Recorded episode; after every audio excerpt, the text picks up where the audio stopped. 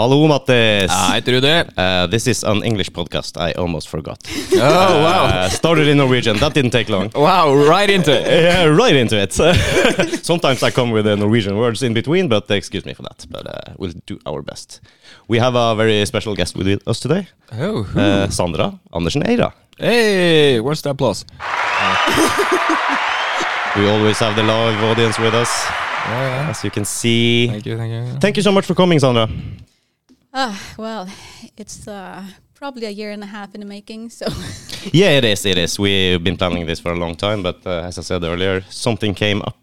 So I think you're uh, you got a good excuse. Oh. The best excuse so far, Mattis. Oh, like what? Not like migraines and stuff like that. Uh, not like I had a headache, but uh, No, I'm just uh, bullying him a li- bit- little bit. He ditched me last time, so oh no, yeah, he had a migraine. So did he I- ghost you or just ditch? Hmm? no, no, he no, ditched no, no, no. I, uh, I texted him. He did, but he get less sympathy from me now when I know why you couldn't come. So uh, Oh, well, I was just a, a little bit occupied. yeah, yeah, you were a little bit occupied. So uh, what do you do, Sandra? You mean right now or? Yeah, right now you're here in Norway for uh, a few days. Uh, yeah, uh, just have a.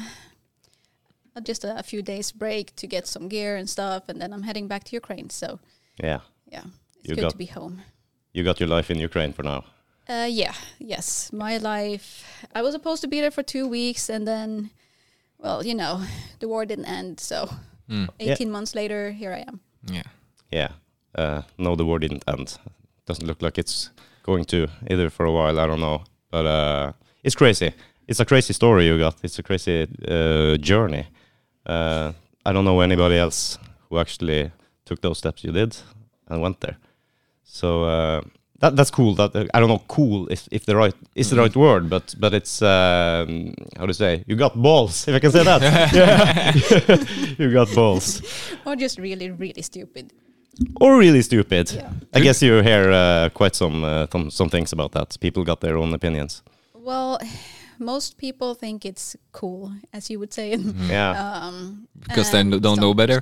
Yeah, well, no, it's just cool in the way that, um, or how how they describe it is it's cool that someone actually volunteers to go to that uh, step of helping people, um, and they want to do it, but they don't want to do it. Yeah. So that that's how they think it's cool, but of course, war is not cool in any way ever. So it is what it is. Yeah, exactly. My thoughts too. It the cool part you described. It, the cool part is the the fact that you actually go there f- to help people. I guess that's the cool part, if you can say that. But uh, nothing cool about war anyway. So But when did when did you go down there? The war started what twenty fourth of February, I think.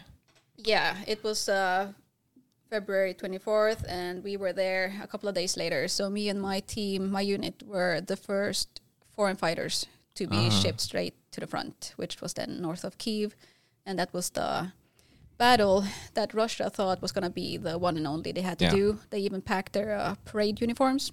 Wow. Yeah, and then they met resistance, so that didn't happen. Yeah. so they, they went with parade uniforms. Wow, Yeah. that's confident. yeah, That's confident. yeah. Well, didn't go as planned. No, no, absolutely not. no. So you have a, you have a unit, a regular unit. You you hang out with. I don't know how to. to you don't hang out, but uh, No, we had a, a unit which was then the the Foreign Legion, uh, and seeing as we were the first, we were just paving that way. Uh, the war back then was very different. It's a different world, different war, different everything than it is now. So uh, we had our unit, uh, but more importantly, I had my team within that unit. And when we were done in the northern front, me and my team um, went down to the southern front and uh, just kept moving around. So stuck to being a squad-sized team, also called the Dirty Dozen, and did our own thing. Dirty Dozen. We did not give ourselves that name. Really, it's a cool name. That's a cool name. You can say that's a cool name. Yeah, that's cool. Uh, that's cool. Uh, I want to rewind just a little bit. Uh, if you can say something about what brought you into this. How did you get the idea, or um, how did you? Con- why did you consider this at, in the first place? Well, I didn't. So Ah, okay.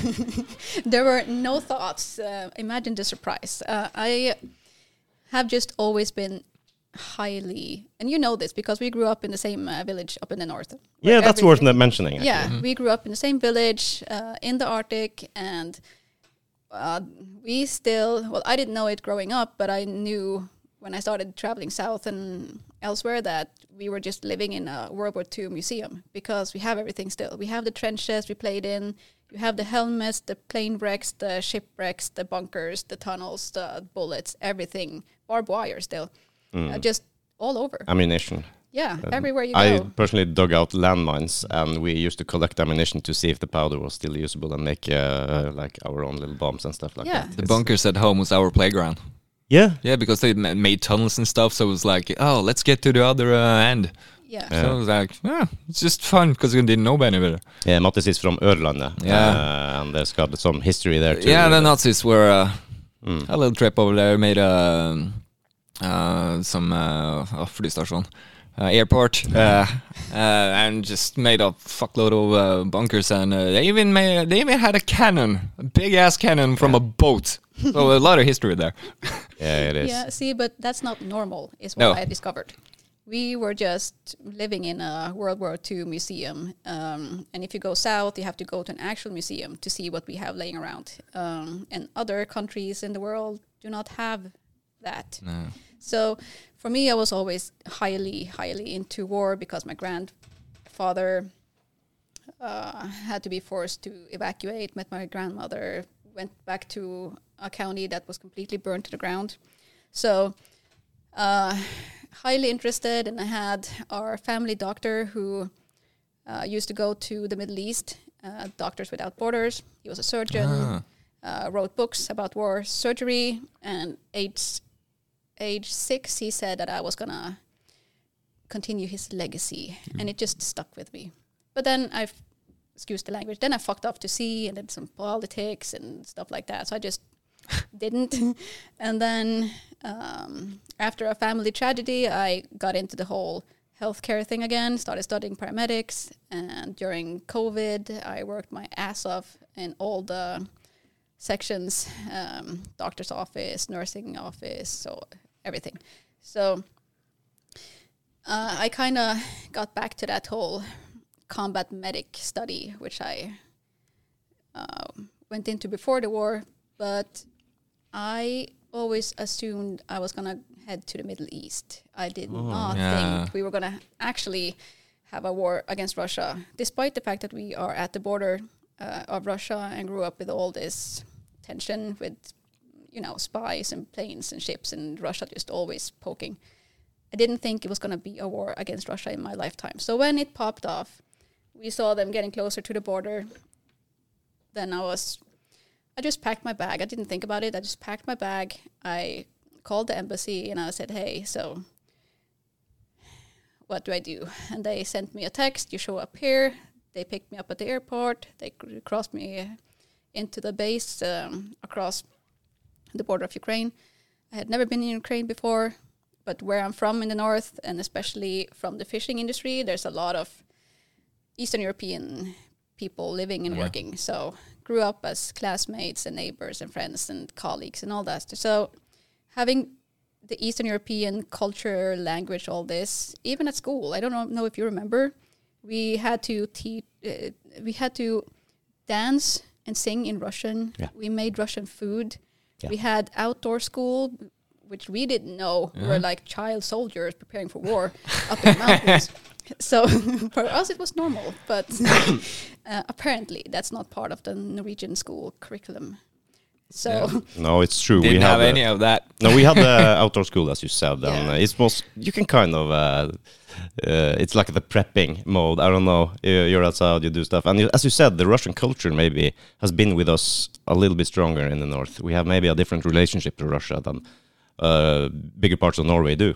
Or Scandinavia, I don't know, Yeah. but but uh, of course Finland's got their own story with that. But uh, but uh, we are close to the border, even though we're on the in the west, we are still close to the border, and we have that that uh, that culture within us. We used to sing songs in Russian and learn Russian words, and as you said, the food and dancing, everything. yeah, well, I googled the song we've been singing for the last 25 years. Yeah. Turns out to be a Russian war song. Really? Ah.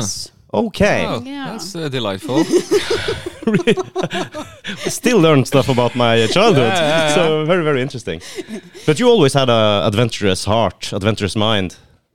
Well, I will just say uh, the same as uh, one of my patient aunts told me when we were walking in the mountains. Um, it's just too strong in your veins because of the, well, a thousand years of sea warfare and Viking history and nomads from the Sami side of it, Ragnar Lodbrok on the Scandinavian side of it. So, kind of just, I will blame fully on my DNA.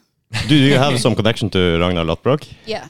I Oh, can really? actually I can actually track my family history a thousand years back. Oh, really? Yeah, because they were like knights and stuff in Denmark and owned farms in the south of Norway after Denmark and before well, before and after Denmark they, you know, did their thing in Britain.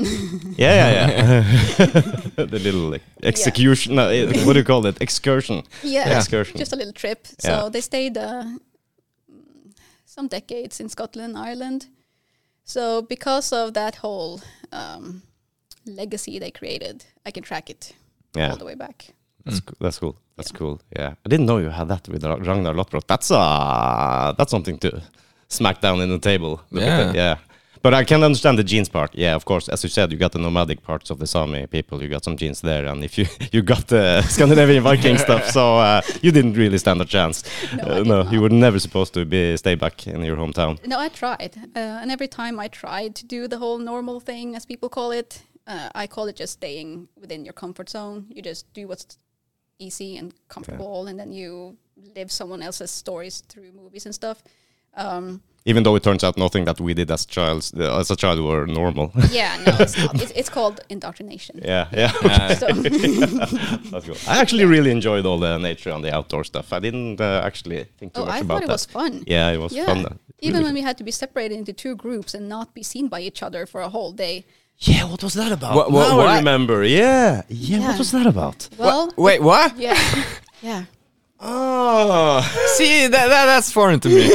you catch on to stuff. I would like. what, what- what, uh, what is okay? Sounds super fun. I obviously would be super into it, but uh, yeah, Maybe I should stop playing hide and seek with my son now. I feel like I'm uh, preparing him. uh, You see, it was fun. yeah, it was but absolutely. Yeah, but now after talking to a lot of friends and thinking about it, like, haha, I remember we were kids, and they were like, no, we did not do that, and I was like, well, okay, and oh, then we did. yeah, it's it's a military term actually. It's indoctrination, and because we grew up in a military base area bordering Russia and being the only border NATO had to Russia, yeah. indoctrination is a thing. Hmm. We learned in the seventh, eighth, and ninth grade to shoot with rifles and shotguns at school. See, when I told people We that do- I we did, did a. Yeah. yeah, Yeah, when yeah. I told people we, I did a school play and all the veterans were there and the families, the parents were there, uh, and I actually had a legit Nazi uniform and a rifle on stage. For me, that was fun. It was normal. Everybody Yeah. was like, "Where did you get that rifle? Where did Or they the have uniform." that uniform?" yeah, we lo- learned all that stuff: tracking, uh, foraging, everything. yeah, survival. Yeah. Yeah. Wow, I But I- never connected that uh, those dots at Th- There's, all. there's something here I can compare with um, me being from a military basis, you guys, but because I know people who have Nazi uniforms, and just because of the historical thing about it, and uh, ju- just they're on display like on the wall, and uh, not just the Nazis. I'm just- I have to say that would be weird. yeah, yeah, yeah. it's not like yay, but it's the, the historical thing about it. Just love the history and World War II. Um, remember what's it called? Remember Memorabilia, I think. Yeah. so uh, yeah, and but uh, learning to shoot at school and stuff totally foreign to me. Yeah, that's maybe a stretch uh, for most people. Well, to us it was fun. Yeah. we actually had to do it twice a year too because we had to learn how to survive during summer and how to survive during winter. So we had February-ish, I think it was, outdoor school, and then uh, we kicked off the whole school year by a few weeks up in the mountains or at sea in August, September. Mm. We also learned first aid stuff like that too. I remember it, uh, fixing break, broken bones, uh, patching up. And we I learned all that remember at having school. to carry someone down from the mountain because we had a fake casualty and we had to be medics. We actually had the patches on, and Yeah. This is the military. Yeah. that I is mean, that is combat medicine in the age of eight. You changed my whole childhood in ten minutes. you remember now? oh, you remember? now I actually feel traumatized. you know, I actually felt that too. I, I felt so betrayed and tricked. I felt I felt like I actually went to a, a, a um, you know, uh, HV sixteen up there. The um, it was funded, and back then it was funded as a anti Spetsnaz unit. Really? Yes, because we are bordering. Yeah. So I felt like this is just we were used as child soldiers. it was fun. I'm not complaining. I've used it in Ukraine a lot, but Yeah, you learn to be really dependent and uh, take care of yourself, of course. So that's the positive part too. yeah. And I I knew the combat medic part and the exfil and the land nav and the sea nav and the survival and all of this. So for me, being stuck for a few days up in a bunker was like, okay, well, this is my childhood. so Yeah, we used them as cabins and used to uh, stay overnight in all those bunkers, and that was a generational thing. We could see the tagging of our parents too in those old bunkers. we had to like- sleep next to to Nazi German graves. It was actual graves, like tombstones out in the woods. Yeah. And they had bonfires. Then they told us. Remember, we had this uh, this uh, teacher from Romania who told us all these stories about Dracula and Nazis and all this crap. And then we're like, "Good night," and we had to stay there with the tomb, just alone with our tents. That's crazy. Uh, yeah. So they they just taught us how to just toughen up, like don't be a chicken. mm-hmm. Yeah, and that came in handy when I was stuck in a fucking cemetery in Moshchun being bombed by the Nazis. Uh, not Nazis, the Russians.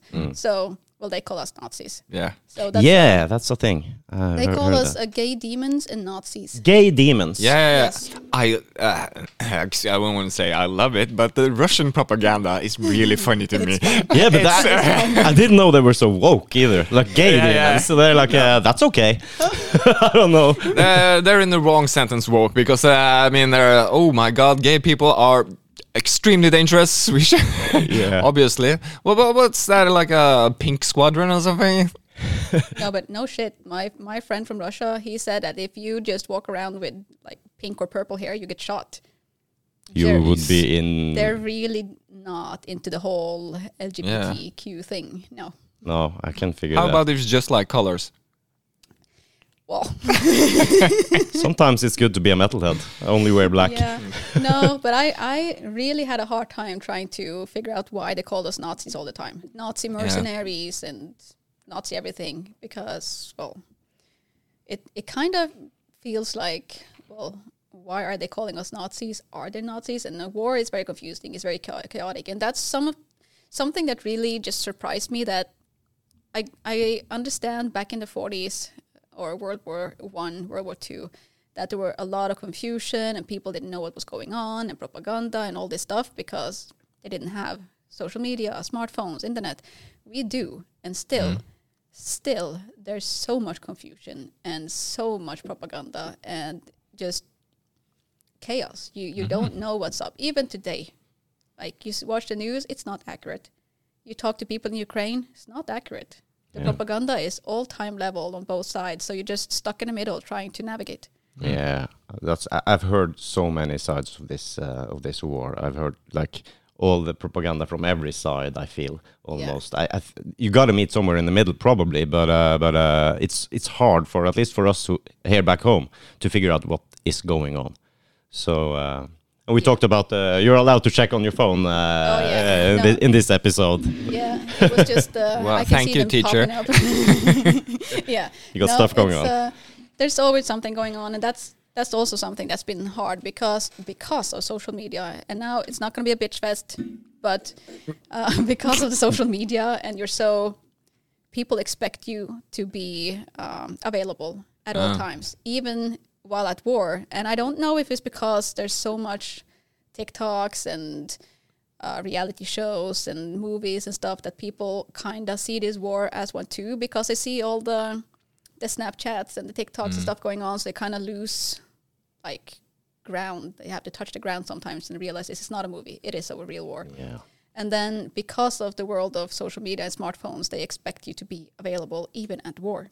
So I've had so many times, and that's been so frustrating and so annoying that people expect me to be available for anything, for logistics, for interviews, for whatever it is.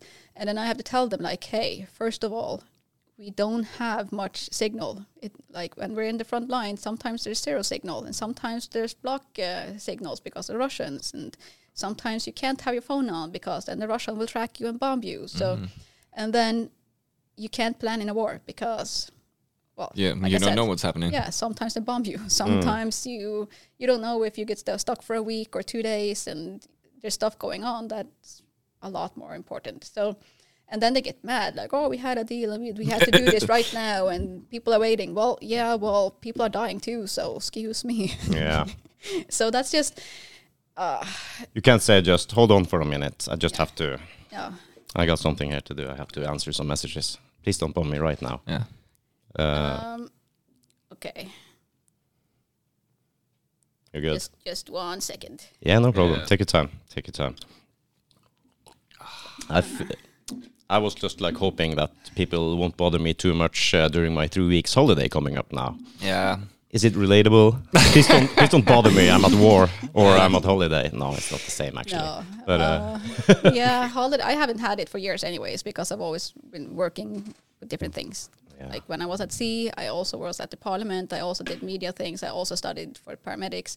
So I never had time off for Sundays and no, summer vacations and stuff. So that's not new to me. But oh, it's not the traditional uh, holiday uh, spirit like uh, in the summer or in the no. no. And now it's just been weird seeing the different seasons because last March we were hundred percent sure that we were not going to be alive uh, for long. really. So um, when Easter came, we didn't even know. I started seeing some text pop up about people doing the spring cleaning for Easter and stuff, and I was like, "What? What?" And then summer came, and I was like, "Wow, we're alive!"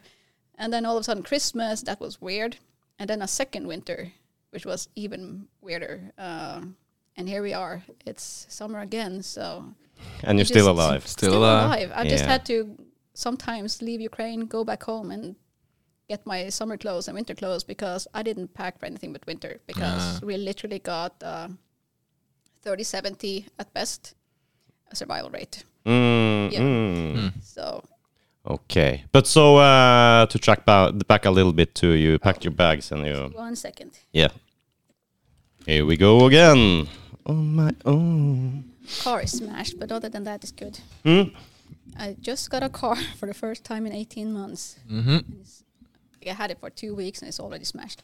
It's already smashed. Yeah. Yeah. Okay. It's um, it's been in the front, so it took some uh, it took some hits. Toyota. No, Really? It's actually a very nice big van, which is my medivac van, like Mm. I roll my own ambulance. Oh, cool, cool. Yeah, you need to get around there, so uh, I guess so. Uh, yeah, let's uh, track back to you. Just packed your bags and you contacted the embassy, and uh, just trying to keep us in the in the thread here. You Oh. were uh, just decide, or you haven't decided. You packed your bags, contacted the embassy, wondering if you're going to leave for Ukraine. No, I was not. wondering. No. I was not wondering. I heard about it. I was like, okay, let's go. So I packed Okay. my bags. I contacted the embassy. Next day, I had a ticket. Uh, they uh, told me to go to this airport. There'll be a car picking you up, and they just fucked me across the border. Got in midnight. Um, Where did you uh, land? Krakow. Krakow. Okay. Yeah. So I met up with some of the guys there from the unit. Uh, they shipped us across. The, back then, everything was super sketchy. It was a brand new war. Nobody knew what was going on, where to go, who to trust. The border uh, guards sold us out, all kind of crazy stuff. So, and you couldn't drive without getting shot. So we uh, crossed the border at night with the curtains closed. And I had never been to Ukraine. I knew nothing of Ukraine. Um, never even Googled it. So uh, when day daylight came, we were at the the base, the one that got uh, hit by missiles early on. So got there, we got a 24 hour hours before the colonel sent us to the front.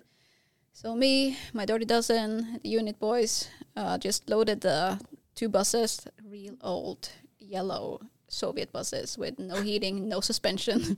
it was cold and dark, and we had millions of thousands or millions of dollars of explosive. It was a lot. So if we had just hit the bump too hard, it would have said boom. Uh, and then we again uh, had to drive up to Kiev by night, curtains closed, didn't see anything before we were literally in the front. So, because back then, uh, the whole city of Kiev, it was like real, like surreal zombie movie. Like you will never see it in real life. A big city, a capital city, just wiped out of people. No cars, no people, no movement, nothing. It's just some snow falling down on, um, in the streets, and we were the Yeah. only ones moving around there. Ghost town. Yeah, we were the only ones moving around, and, and we knew that if there's any other movement, that's enemy.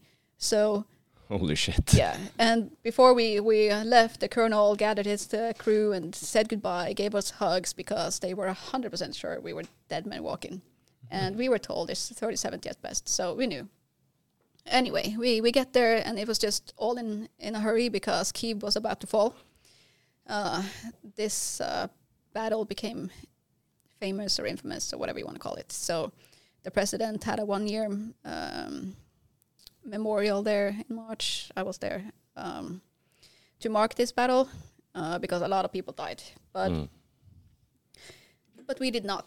This was still very early on. yeah, it was the first uh, The first, first, week of yeah. the war. So we were just shipped up there, and we didn't know anything. Like the fact that back then we were just newborns in this war, um, so it was a shock to not get morphine in the medic equipment. But Hmm.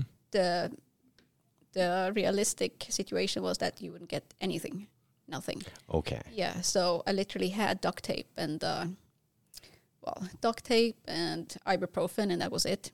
So You come a long way with ibuprofen, but yeah, uh, And duct tape. and Yeah. duct tape for Yeah. sure. But Yeah. MacGyver. yeah, and all the the plate carriers were just extra large steel plates, weighed fifty kilos, and the helmets were old World War II German helmets, steel, too big, like it was not functional. So we all just ended up rocking the front in baseball hats, and some had jeans, and it was just yeah. wow. it was just a real dirty dozen thing. So uh, we did not know what to expect, and they didn't tell us anything either. So we came to Kiev early morning. We stayed there for two hours uh, in a hotel, which they used to just load up rockets and explosives and guns. And then the colonel, uh, not the colonel, the commander, um, gathered us out front, and he said, "Those not willing to go, speak your mind now. And nobody said anything. We just loaded the trucks and went off. Um, and then uh, for me, this was the first war. For my guys, it was not. They've been a decade in war. Uh, they're special forces, special operation forces, uh, American. Mm. So uh, not their first rodeo, but it was mine. So, and I am so glad it was because even for people that's had a decade in war, that war was it's completely new. It was the closest thing you'll ever get to the stories from the trenches in World War II or World War One, and it was just add cluster munition and drones and cell phones. So I didn't know what to expect. Thank God, because that was a suicide mission and a shit show. So um, all of a sudden, everything's on fire, and you hear bombs going off, and everything's just chaotic. We didn't know where we were. I didn't know where we were until two months later, Wow. when I realized that we were this close to uh, Chernobyl getting bombed. Oh. And I was like, well, then, if I had known, I'm glad I didn't. Yeah. So Sometimes, yeah, it Yeah. might Yeah. be for the best, just Yeah. uh, not knowing. Yeah, everything. and then I got separated from my team, my whole unit actually, and they thought I was dead, and I thought they were dead. I was told they were dead for days. Were you alone? No, I had uh, one British uh, kid with me. He was just 21 years old, and uh, some Ukrainians. Uh, And I got separated from all the others, and we didn't have any comms, no cell phone service, nothing. So we were just watching each other get smashed and nuked. Uh, everything was on fire all day, all night. So they had helicopters and drones and tanks and artillery and mortars and cluster munition and the whole shebang. So, and mines, a lot of mines too. So, uh, little did we know that we were gonna be in the Battle of Moshchun against a whole battalion. Like we were, we were twenty people. They were- Twenty people. Yeah. They were a battalion, so How much is a battalion? You know? it depends, but it's about a thousand people. Yeah. Okay. Yeah. Yeah. It can be like 1500. I think there were 1500 there, but they were supposed to. There's articles about there. This they sent the best of the best. They sent their special forces and Spetsnaz and paratroopers, all this.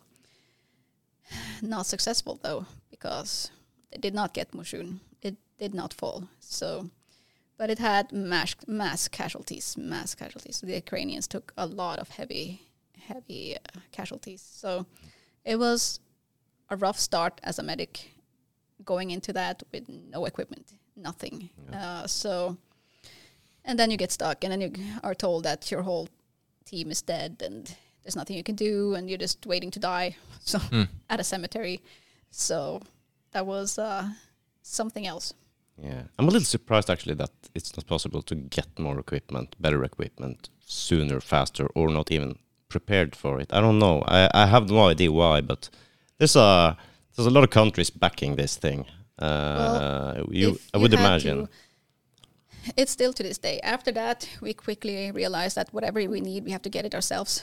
So then we started getting contacts and supply chains and logistics routes and have to start a whole military operation ourselves to make sure we had what we needed, and not just us, but everybody around us.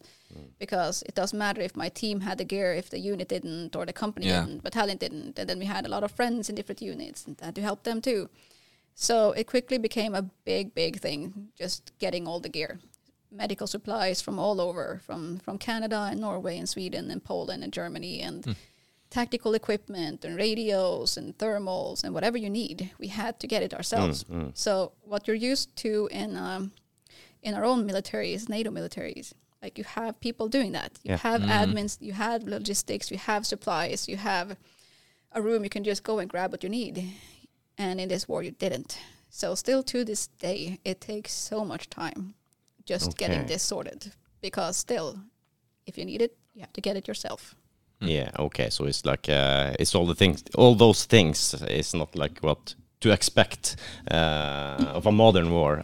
As you say, you would expect that those things, the log- logistics of it, would be uh, Smooth. Yeah, smooth. Yeah, with all the technology and equipment and communications we do have these days. Yeah. But it's hard. No, no, it's not. It's uh, it does not exist unless you do it yourself. You rely on donations and Yes, uh, yes. stuff like that. the whole war uh, is fully relying and depending on donations. We need donations to have money to live. We need it to travel. We need it for medivacs. We need it to gear for supplies. We need it for fuel. We need it for anything. Yeah. Okay. Well, that's a bizarre situation actually to be Yeah. involved in. It's been an 18 months fundraising event. Yeah. Yeah. it's, it's uh, exhausting because you have other things to do. Like you have, uh, like in January, there was all the power um, stations were bombed, so there was no electricity. You couldn't charge your phones. You didn't have cell phone service, and you're busy traveling. It's a big fucking country. It's like 14 hours to travel Yeah. from one side to another. Yeah. It's, Yeah, and you're kind of busy doing war, you know. So that's exhausting and takes a lot of time to be able to to pull it off to get all the shit you need. Um, shouldn't have to be this way, but it is. So yeah, it is. I guess that's. I've been reading about this too, and I've been following your Instagram account, the Dirty Dozens Ada, so I think it's called, and uh, I've seen you've been uh, trying to. To, to get some stuff, uh, some donations. It's this is not like a regular fundraising event. I feel uh, like you could uh, get invited to. This is a little bit more hardcore uh, in it. yeah, God damn because it. it's frustrating because we Yeah. needed to survive. Yeah. And I know, like uh, two weeks ago, a buddy of mine in another company asked for tourniquets, and that's critical gear. You need it to Mm. survive. And Yeah.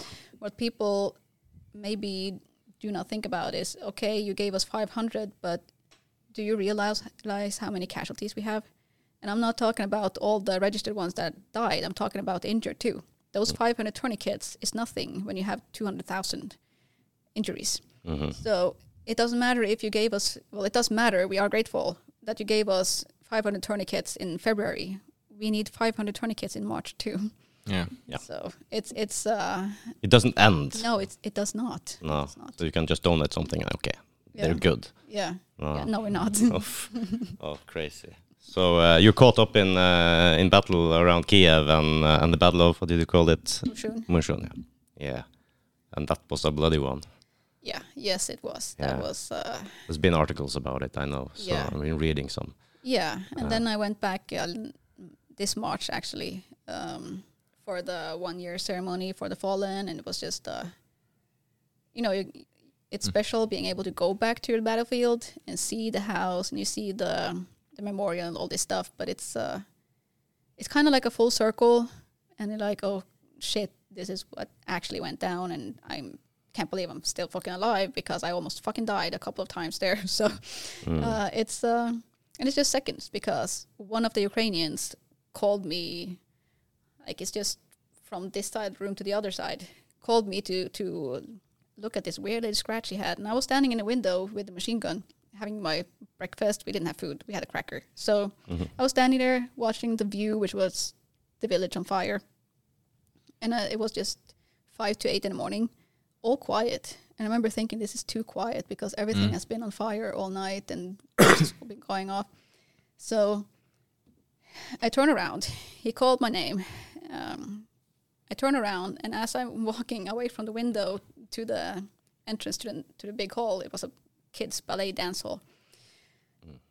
That pl- window was just smashed. We got hit so bad. Like Hmm. that whole house, the roof was gone. The window, bomb. yeah, the window was gone. The entrance was gone. So if he hadn't called me, of course we went flying because of the blast. Mm. But if he hadn't called me because of his weird little scratch he had on his leg, I would have been gone. Mm. So it's just seconds all the time. Coincidences. Yeah, Yeah. Yeah, it is. It's some Uh, real luck. Mm. Wow. Yeah. So when you live like that, it's kind of like you don't want to have to deal with all the logistics and the supplies and stuff. But it's it's how this war is. Mm, I can uh, I can hear that. That's uh, as you said, not nothing you're supposed to be thinking about. So you've got stuff to do. Yeah. But uh, I just hope people listen to this and uh, decides to maybe ease it a little bit in the future. Who knows when this war is over? And I guess the the needs are always there as Yeah. long as it takes. Yeah, and I understand. Like we all go through war fatigue, and Mhm. after New Year's, we definitely felt that people were tired. The donations weren't as frequent, and Yeah. it was harder getting supplies, and people had left, and it's been a lot of just dumbass drama and cleaning up between f- foreigners in that country Mm. and war weasels and all this crap. So, and then we are still there What's a war weasel? the war weasel is what I call the people that are, you know, war will always bring out the best and worst of people, and there will always be people taking advantage of the war because there's a lot of money in it, Mm. Oh, a like lot that. of money in it. So, um, just for instance, there are people who claim to do fundraising for for me and my team and used our names and my Wow. name specifically, and raised three million dollars. That's a lot of money. We could have used it. Instead, Yeah. we're broke. We can't afford to get gas on our, our cars sometimes.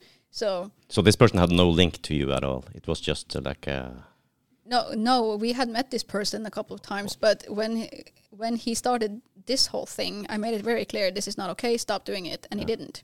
Ah. And then that became a one year thing online where I had to tell people, hey, this is not us, this is not me, this this is not our fundraising thing, this money is not going to us. Please don't get fooled by this. So and there's been a lot of people like that. There's a lot of people in war that will take advantage of it because of the the money flow and you have human trafficking and you have all kinds of crazy stuff. People going there just to escape their shitty lives at home or Mm. wanna kill and have guns and drugs and brothels and whatever. Like there's a lot of bad in it. Mm. But luckily you also meet uh, some of the best people around that that are there for the for the for the right reason and people that want to help and support um, in country or not. So it's just there's a lot of highs and lows. Yeah. yeah. It you cover it all there. Uh, did you meet? Uh, is it a lot of foreign fighters there? Yeah, well, uh, in the very very beginning it was us and then people like oh well they survived so let's just pop in and then they had a peak where there were i don't know if there were thousands of foreigners coming in but then when the missiles hit uh, our base in Yavoriv, most people just fucked off they were like no Uh-oh. we're not doing this Yeah, okay. and then and you can just see a flow of people just marching out of there. They were like, "Fuck this, we're going home." So um, that was that was one thing that made people leave. But then you had all the most foreigners didn't get paid the first six months, and people have bills to pay. People need Yeah. food. People need to live. Uh, so because of the lack of bureaucracy and money and the fact that it was so much chaos with logistics and lack of supplies and lack of uh, everything, most people fucked off uh, before the summer or during the summer. Mm. So there are still a lot of foreigners left, but not anywhere close to the beginning of the war. Yeah. Did you ever stop to think, what the hell am I doing? Or didn't Well- you have the time to think? See, there's so many times in my life I th- I should have. Um, the only time I actually did, uh, well, there's two two times actually because uh, what I started saying earlier is that every time I try doing some nor- normal shit, my body just responds with trying to kill me. Like I Mm. get some crazy like uh, um, skarlagetsfeber, what's it called? Ah, Uh, scarlet fever. yeah. Yeah, which uh, people haven't had since the 1800s.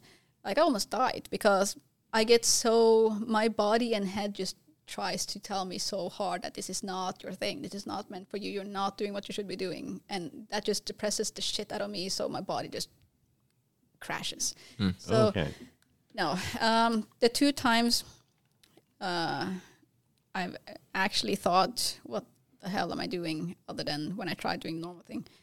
One one time was my uh, uh, after before we went to Moshchun, uh, my commander looked at me and he was just because I was a girl and I was the only girl, and people thought that was shocking but cool, and especially in Eastern Europe because they're very very traditional there. Yeah. Oh, really? Yeah. Uh, yeah. So at the base too, people want to take pictures, and they had heard about this girl from Norway, and they immediately started calling me the Norwegian Shield Maiden. yeah. Okay. Yeah, because they just and there were like special forces up in Kiev too. Just when we entered the hotel, they saw all these big ass guys, and then I came.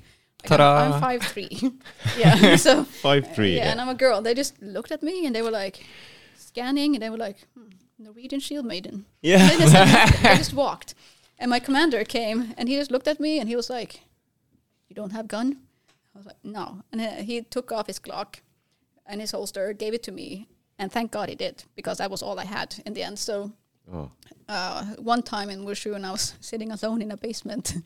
and uh, because we were literally just four people, it was me, a young British kid, 21 years old, and two Ukrainians.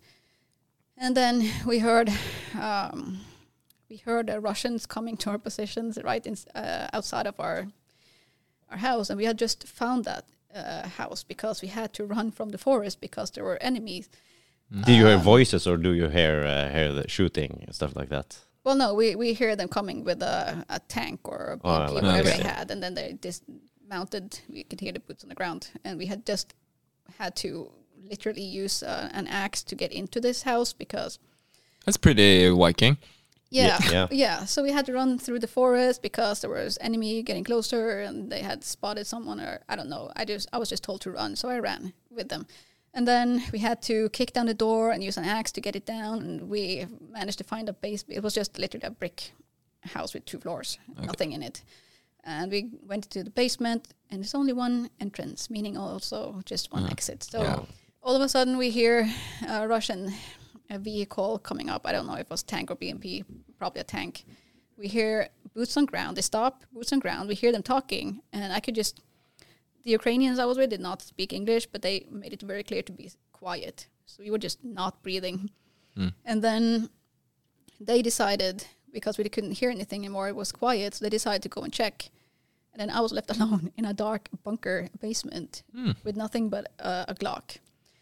And then I could hear some shit going on upstairs. I didn't know what, and I knew there was only one exit, and there were only three guys and me. So if they got off, I knew that okay, I'm dead.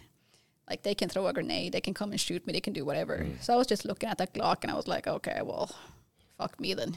This is it. Here we so, go. Yeah. So I was just holding it, waiting. Like, do I have to shoot myself? Am I good? Luckily, I was that time. You won't don't want to be captured. No, no, no, no, no. We had a before heading out and all through the war, we have a very clear understanding because we care, because we love each other. We will absolutely kill each other if we see that there's no other Yeah. way out. If we see that we've done all we can, Mm. we're about to get captured. They will kill me without a doubt, without hesitating, and I will do the same. It's a mercy yeah. thing. Yeah, yeah. So that's that's not an option. So I would not hesitate by shooting myself if that was if I had seen any Russians coming down that stairs. I would just off myself immediately. Uh, but then I definitely was like, okay, well, what the fuck are you doing? Um, and the other time, ugh, the first time, I was second time I went out of the war, and it's intense. Like after two weeks, it feels like two years. Uh, I don't know what we were thinking because it's literally the opposite of what we should be doing because everything is on high alert. You're used to always watching your back, and whatever you hear in the sky is a drone, mm. or you get bombed, or whatever. Like you jump into a bolt in the Kiev, you get sold out. We actually did. So you're always on high alert. Mm. You always have missiles and bombs and grenades flying all over. And then getting out of the war zone, you're still on high alert. And then for some reason, instead of just peace and quiet, we decided to go to a haunted house, like a real, Yeah. like a real haunted house thing, you know, where people scare you for fun. Yeah. You pay you pay for it. yeah, and then our our bodies and our heads were not fit for that shit. Yeah, I can would, imagine. uh, would assume. Yeah, so there was a lot of screaming, some bruises. We survived, but my You my survived, poor- but what about the poor ghosts? Oh, no, our poor our poor minds. That no, I definitely had like, what the fuck? You're not even thinking. What are you doing? Nah. Yeah, so it's not often, but sometimes, sometimes I do, but never, never once did I think, what the fuck are you doing for being in Ukraine? No, okay. You were your mind was set on set on this. You were doing the right thing. Yeah. In your uh, head. Yeah. Yeah. Despite all the chaos and all the bad shit, and Hmm. uh, most people don't want to be there. But for me, it always felt like, actually, the first time it felt like this is exactly where I should be. Like you feel whole, complete. You feel just everything is just this is good. Mm. Well, you're doing something good. So, Well, hopefully, Yeah. hopefully, yeah. can I rewind a little bit because uh, before the war, you were you were fishing? Yeah. Yeah, and get this. Yeah. I was fishing in the Barents Sea um, on the coastal fleet, and that's a lot of hard work. yeah. Physically, mentally, it's just exhausting. You are gone a lot of the time, and it's winter in the Barents Sea. It's hail and cold and storms and heavy ass physical labor, and no toilets, no food, no heat, and no sleep, and you just push everything beyond every limit. So I did that. I absolutely loved it for some years. And then I was like, okay, I've had it. I want normal. I'm done just feeling like shit. I want something that's comfortable. You were aiming for normal. And then I went to war. Yeah. yeah, yeah. I just want normal. Yeah, so that was a failure. Oh. But it's kind of prepping. I'm glad I had that Yeah? experience because when I was stuck all over with no food or toilets or whatever, I was used to it. it Nothing was new not for a, you. Yeah, it was not a big deal for me to not have comfort or a shower.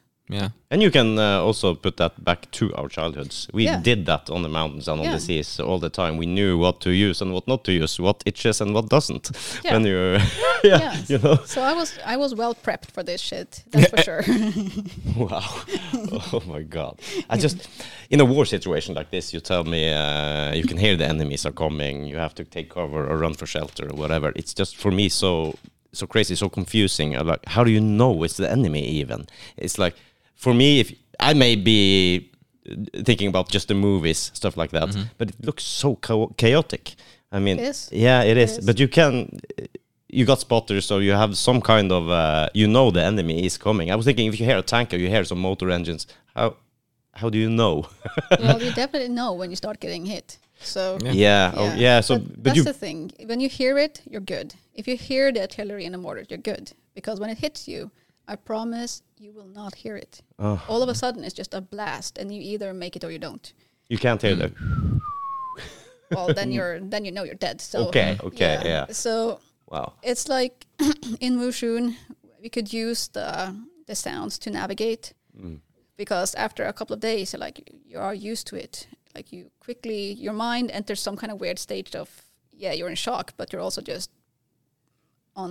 You gotta do what you gotta do. You're functioning. So, yeah. So me and the Ukrainians in one corner of the uh, bunker house, we had a bonfire and we had tea, and they sang kumbaya and Ukrainian songs and Georgian songs, and and then we could hear, we could navigate by the sound. We knew it was coming closer, so then we just walked slowly down to the basement, waited for the impact, and then it was like, okay, we're good. Walk back up, drink tea. So it's just it depends where you are, of course. But if you're in the front line, you know you're in the front line. Yeah. You know where the enemy is, and you know that okay, we're this and that far away.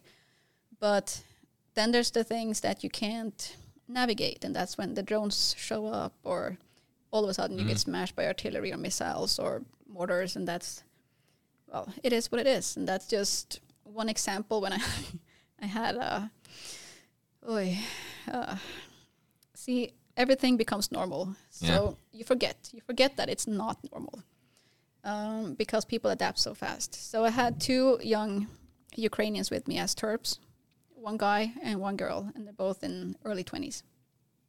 And uh, this this guy's greatest fear in life were missiles. So he used to he used to watch the news and stuff, and just randomly think about it during the day, and just oh shit.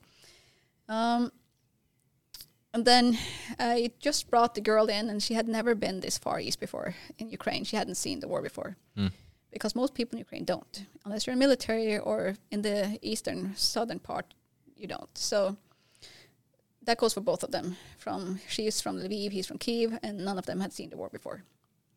So both come with me to the eastern front. ah, God bless their souls. But they come with me to the eastern front, and we forget that it's not normal. They're not Yeah. used to this. So we come at, late at night. It's past midnight. Me and this girl uh, are busy setting up her tent because we're all camping out in the tree lines, and we have to stay camouflaged, concealed, so that the enemy doesn't see us. So setting up her tent, and me and her are standing there, and all lights are out because you can't have lights on because then you're seen. Putting up this tent, and uh, I'm holding one side of the tent, you know, the tent poles, and she's holding the other one, and then you can hear a missile coming straight over our heads, and she just looks at me, and I just look at her, and I had my my phone light on to see what I was doing with the tent, and I just slowly put it down. I wait, and she waits, and we're like, okay, we're good, we survived. Start doing the tent again, and here comes another missile, and you could hear from the, you could see the um, missile across uh, above your head. And uh, the same thing. She looks at me, not a word, and she just slowly puts her phone down and just looks at me while we wait. We're like, okay, we're good. And then we just finished setting up our tent, and I was like, good night. And I walked back to my tent, sleep, and I wake up the next morning, and she doesn't say anything about it. And then the poor guy, were uh, a little bit further away, uh, sleeping in tent site with some of my guys. And one of the guys with him, uh, American, he had yelled, um, incoming, and then grabbed this young guy from Kiev and threw him in the bushes. and that was his first experience with with anything like this. So he was kind of um, rattled. So they spent uh, an hour by the bonfire having some tea and just calming down Ah. and he decided to dig a hole in the ground, which he wa- wanted to sleep in the rest of the week uh, to feel safer. And then, sometime later this day, this girl just looks at me and she's like, "So, am I supposed to think it's enemy or friendly missiles?" And I was like, "Wow." I should have told you, yes, that no, it's it's not friendly. Huh. It's not. And usually I hear it on my radio because there are people spotting and keeping an eye out. Mhm. I will hear it on my radio that it's enemy incoming, but my radio was out of batteries because we came in so late. so I didn't have any radios and I didn't think about telling her either. Uh, and she was just cool with it. She was just all calm. She was like, okay, so that's good to know. And I was like, Yeah. yeah, well, it is what it is, you know. And she was like, yeah, well, I figured that seeing as you weren't worried, I shouldn't worry. And if we die, we die. And I was like, well, yeah, that's kind of the way. That's kind of how it is. How it goes. Yeah. Yeah. oh my god, it's weird that you can get used to war like that. Yeah. Yeah. How uh, adaptable we are. yeah. And it's like we had a night thing going and we were standing on this field watching a beautiful sunset and sunrise. But in between, we just saw all this.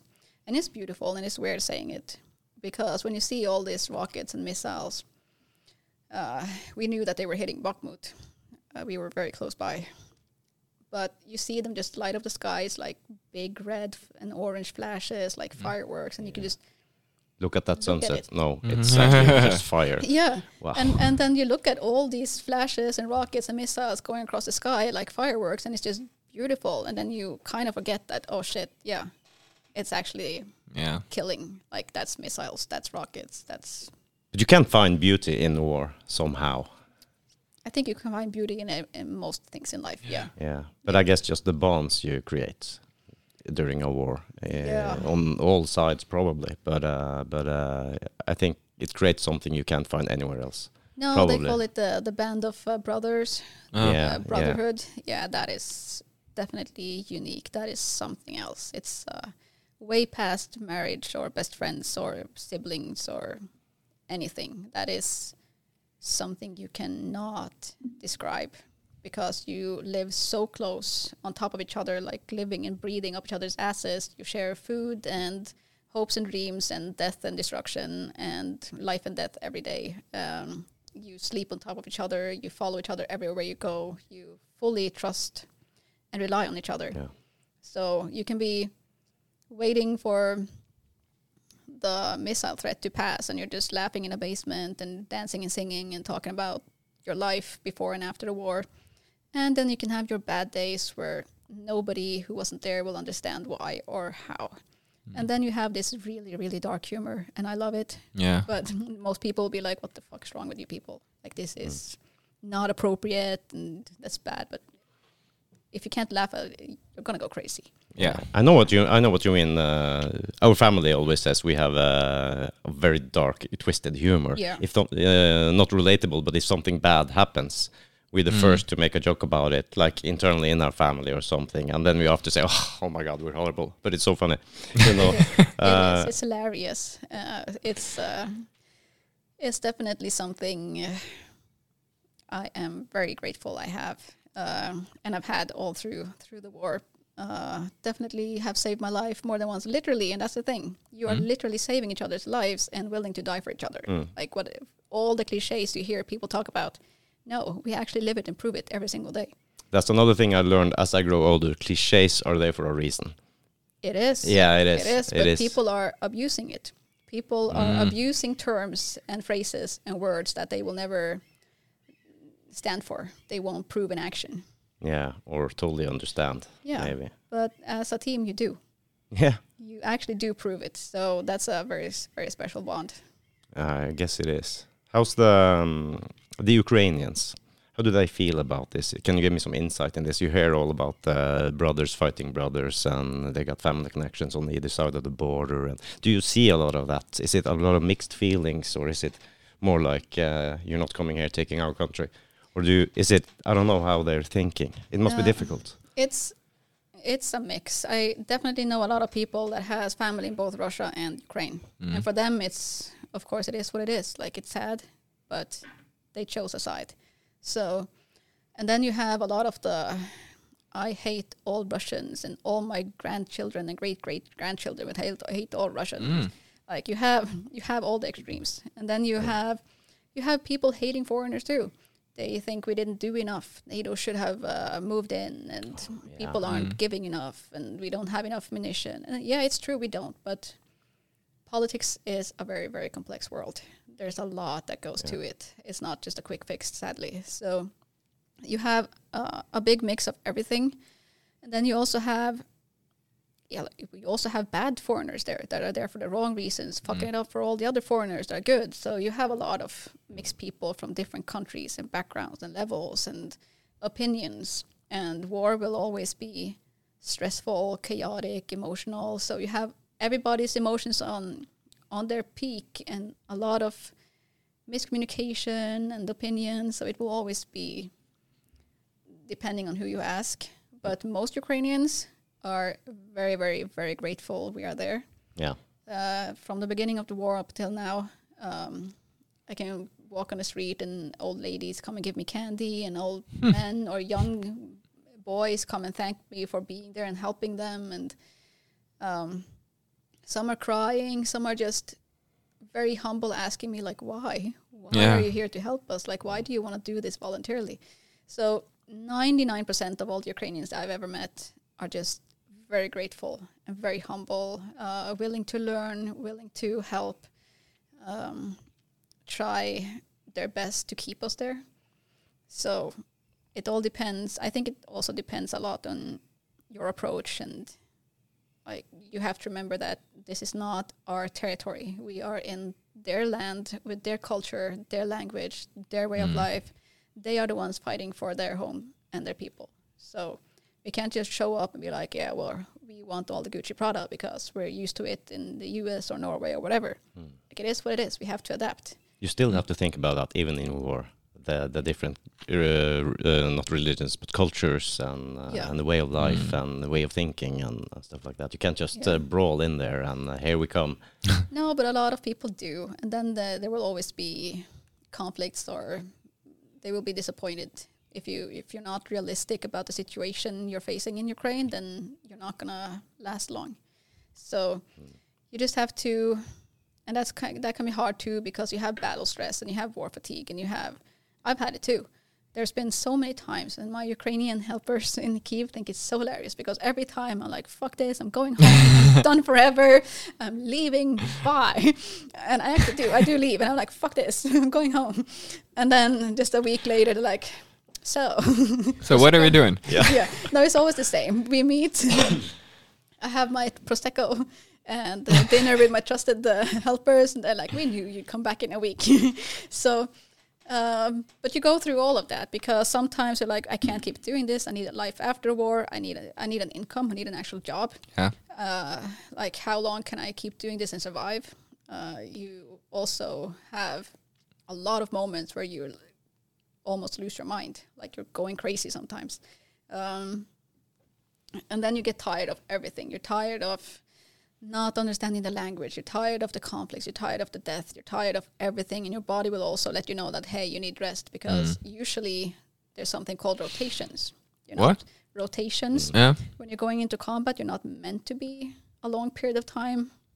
But now there's no rotations. There's Okay. you're always in it and it's very intense. So um, Is this a individual choice or do you have like um, do you have someone trying to have an oversight of this? no, if, if you're enlisted in the military, you do not get a choice. No. uh, you have to No. stay there. So, uh, well, as foreigners, you're free to leave at any time, but you can't just you can't just leave. There's not a taxi like waiting for you there. no. So, and also you can't just leave your your unit and your your guys. You, Yeah, that's another aspect to it. yeah, you can't because in the beginning of the war, I went there because it was what I felt I had to do, and I felt, uh, I felt that I had to pay a debt for everybody who did it for us because we have to remember we also had foreign fighters that are buried in Norwegian soil. Yeah. We had people going from Norway to be trained in England. We had people from Ukraine and France and England coming to help us as foreign fighters in Norway.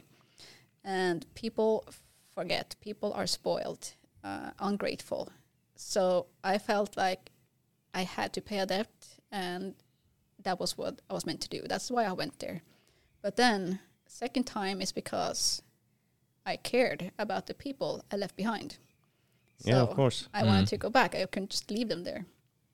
And then it evolved to all of a sudden you have a life there. You have mm. friends and you have people calling you family and you have you have a hairdresser and a dentist there. You have, you have your favorite restaurant. You have everything. So it's just becoming more of your life and a second home and you feel more obligated and as time goes by especially now with the counteroffensive and all it's been a long war. People are tired and the draftees are coming in. The reserves um, uh, donations are all time low. There's a lot of frustration and there's been a lot of death and destructions. There's a lot of ptsd and alcoholism and all all this shit going around. Um, and then people are even more uh, grateful for having you there. And they're like well we understand if you want to leave. Like are you really staying? We understand if you don't. And then you stay and they're like wow you're all heroes to us and can you tell us why you're here helping us? And we are so grateful uh, like you're the only hope they have because you train them while you're fighting with them and you're also a supply chain. So they are so grateful. And then when you leave like how can you do that? How can you do that with a clear conscience and feel good about it? You can't. So it just always continues to give you new reasons to stay Yeah, and you can't think that enough is enough. I did my, did my part almost. It's uh, no, it's No. never over until everyone is safe. Or uh, No, it's Yeah. not. And it's just uh, one instance where, okay, I know I can leave. I can go home to my safe country and just be comfortable and all this. But then there's this one guy who broke down in tears in front of me and my Ukrainian Terp, who also broke down in tears because his daughter was killed uh, in um, uh, Mariupol. And the day before, he had lost eight of his friends. So he just broke down, uh, collapsed on the ground, and he cried. And he was like, "I am. There's something wrong with my head. I am fighting enemies you cannot see." So you have people like this, and then you just leave them. Yeah, uh, it's the war isn't over. And imagine if the war was over next week, and you just gave up right before it ended. Like that's also a thought to live with. I read somewhere or a documentary or something uh, long ago uh, that w- they said the war is never as you see them on television or on movies and stuff. Most people actually don't fight; they hide. Uh, I don't know if you can say something about that. Is it this uh, something you experience, or do you feel like those who are there fighting, they are uh, fighting, or is like ninety percent just going into hiding and freezing? Yeah, see, that's also a very complex answer because, yeah, about the movies, that's true. I used to be the biggest war geek ever. I spent Christmas walking around in old Nazi bunkers. I was at the, all the mm. museums. I watched all the movies and documentaries and podcasts about war ever. And now I don't want to. I don't want to see it. I don't want to hear it. I don't want to mm. because there's when you when you watch a movie, you have 90 minutes where you can l- try to imagine it and you can get some emotions going and then you turn it off and move on.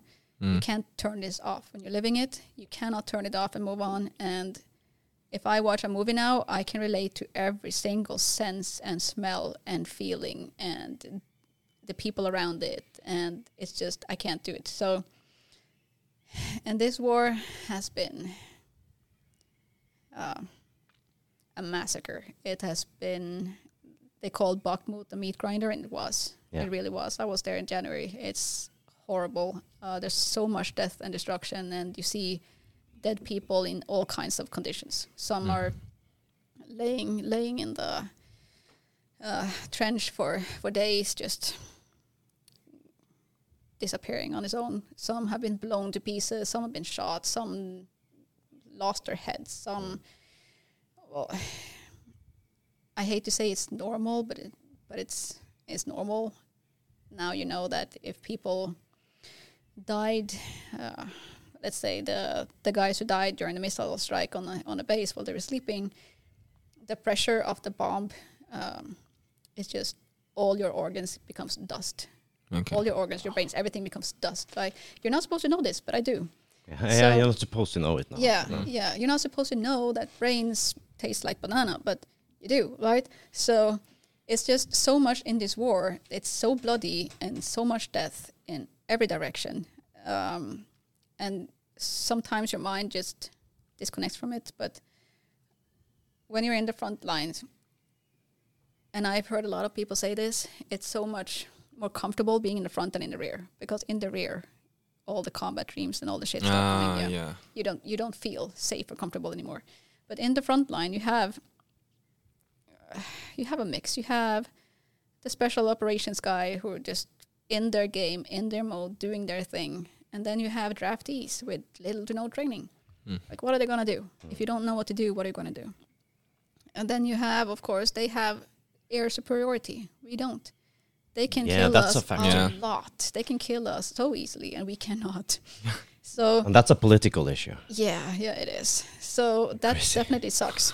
Yeah. So there are so many factors in this war, and everything has been on both sides. They've sent uh, draftees and untrained personnel with little to no equipment, making it even more bloodier and horrible. So if they say that people are running, uh, have I experienced people taking off? Yes, both Ukrainians and Westerners, and I, I have no opinion on it. Of course, it's shitty leaving mid mission, but what are you gonna do? Yeah, if your body and mind just takes over, I don't know. Sometimes maybe you you just don't know what you're doing either. I don't know what how things evolves in the front line. And I keep referring to mm. movies. I'm not looking at this as, ent- as entertainment. I just have to clarify this, but I'm trying to understand the difference. I think there is a big difference. I think I think there's stuff you can't bring out in movies and TV shows and stuff like that. No, you can't. You definitely cannot. It's it's very complex. So I would not say that people are just running, running. But of course, if it's untrained people not knowing what to do, not trained for it, of course they're gonna run. that I think about this stuff. Would I stand and fight? Would I hide or run? You, I don't think you know before you're actually there. And maybe training don't. helps. Of course, training will help. It's better to Mm. have training than not. But uh, but Yeah, I guess you I guess you don't know. Muscle memory. Muscle Yeah. memory is a thing, and that's the part two. uh, And I'm gonna go to Bakhmut or Moshchun or or anywhere where I was a medic. Um, even though you just got smashed by a bomb and you went flying and like your ears are ringing, you're mm. you're obviously when you get hit by a bomb and you go flying and there's dust everywhere and you can't hear shit, everything's just ringing. You're like, holy fuck, what happened? Then your muscle memory memory kicks in. So mm-hmm. you you just see that you're good and then you check the casualties. So you immediately start doing what you're supposed to be doing. Okay. But if yeah. you don't have that training, Then you don't know what to do. no, and that's that's anywhere. If you're in a traffic accident or any kind of traumatic accident, you have two two kind of people. You have the people that freeze up; they just Yeah. cannot function. Then you have the people that just do whatever they're, they're supposed to do. Like you Mm. block everything else out. You just do whatever you're supposed to do. I think that's uh, the training part. Yeah. Or Yeah. most of the time, it's the training part, as you said, the muscle memory. But that requires also a lot of training to get the muscle memory and to get those. It's not like a two-week uh, boot camp No. with uh, okay, now I basically know what to do. No, and then you just not. shut down when uh, when the shit hits the fan. No. But that's that's something uh, that spins in my head often. Like, uh, how would I react personally? And I think a lot you of you won't know until you're there. No. You cannot know because everything is so chaotic and confusing, and you have all the sounds. hmm Like there's a thing where people actually put earbuds in because when you don't hear the sounds, you're able to focus more. You don't get distracted yeah. by the sounds. okay, So, yeah, uh, but then you can't do that either because you have to communicate with Yeah. people. That's the thing. You- So, uh, but yeah, it, it's a lot to it. It's a different language. It's chaos. It's bombs and rockets and airstrikes and drones and all kinds of crazy around you. So you you will never know how you will react until you're there having to react. yeah. And I hope I don't find out. I'm not. Uh, Yeah, yeah, I'm uh, more thinking about. Uh, maybe a war scenario in, in Norway, for example. How would I would I stand up, defend my country? You know, I don't.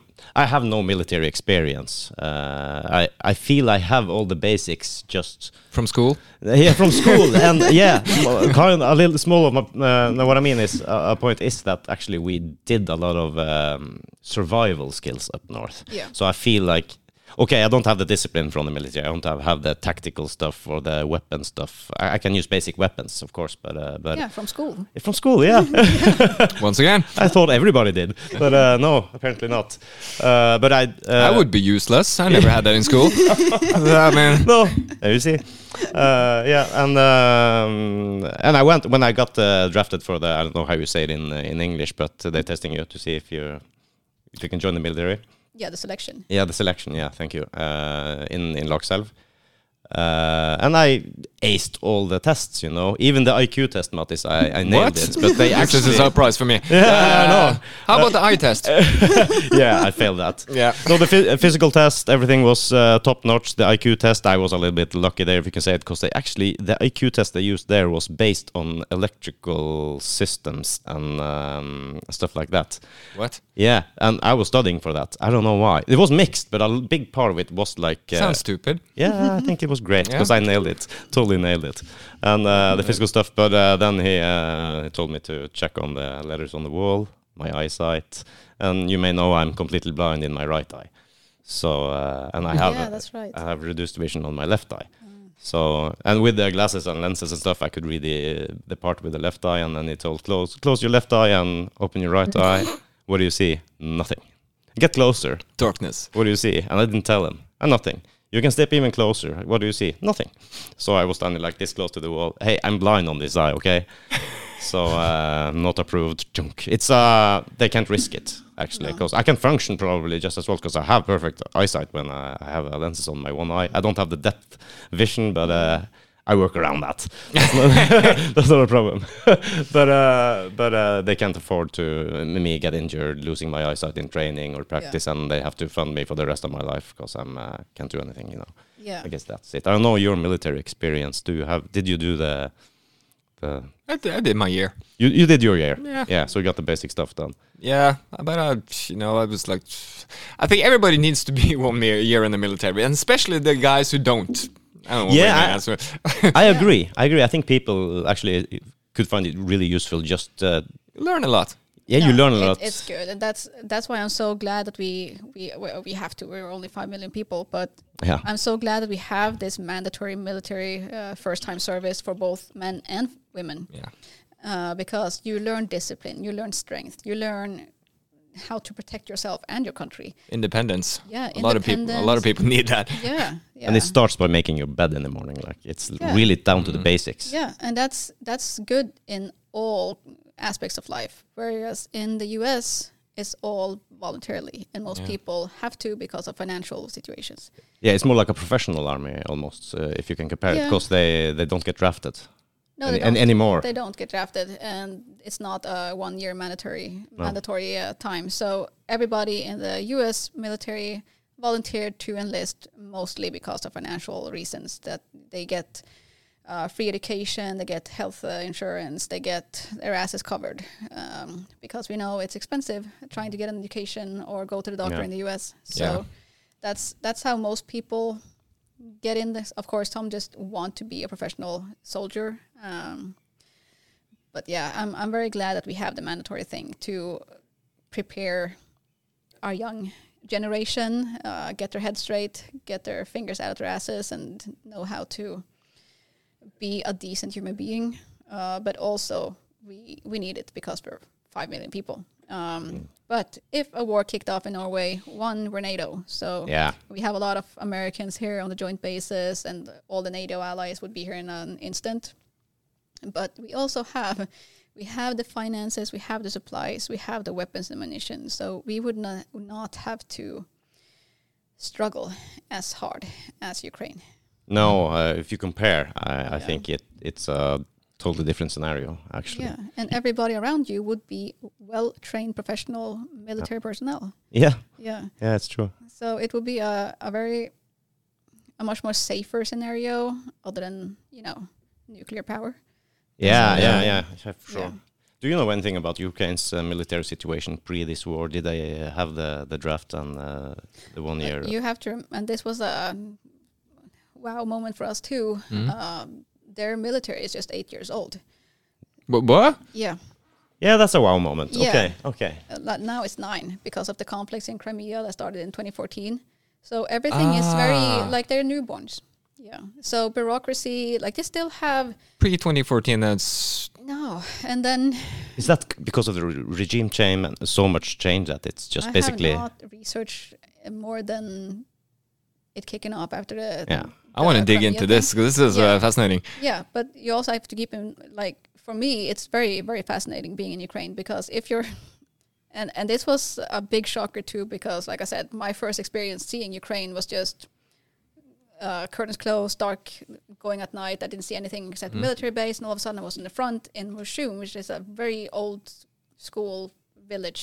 You know, chickens and goats and brick houses, and babushkas walking around, and that was like okay, the toilets are holes in the ground, fine. Yeah. And then I go straight from there down to Lviv, which was just be like being in Venice, Italy, or Warsaw, Poland. And I was, ah, mm. and there were fancy houses and cafes and people dancing and singing in the streets. Now I was so confused. Like, am I in the same country? Did I, did I die? Did I go into an mm. alternative reality? Like, what is this? It's not the same country, but that's the thing. If we're in the major cities like Kiev and Lviv, Yeah. it's like every European city. But as soon as you go out of there, and especially specific, specifically east, it's like going back to the 40s. The pictures we see from Ah. Finnmark in the 40s, Mm. the the babushkas and the guys are dressed the same as we saw our grandparents get dressed. They're on their bicycles, milking their cows. Uh, you see the cows and chickens walking across the street.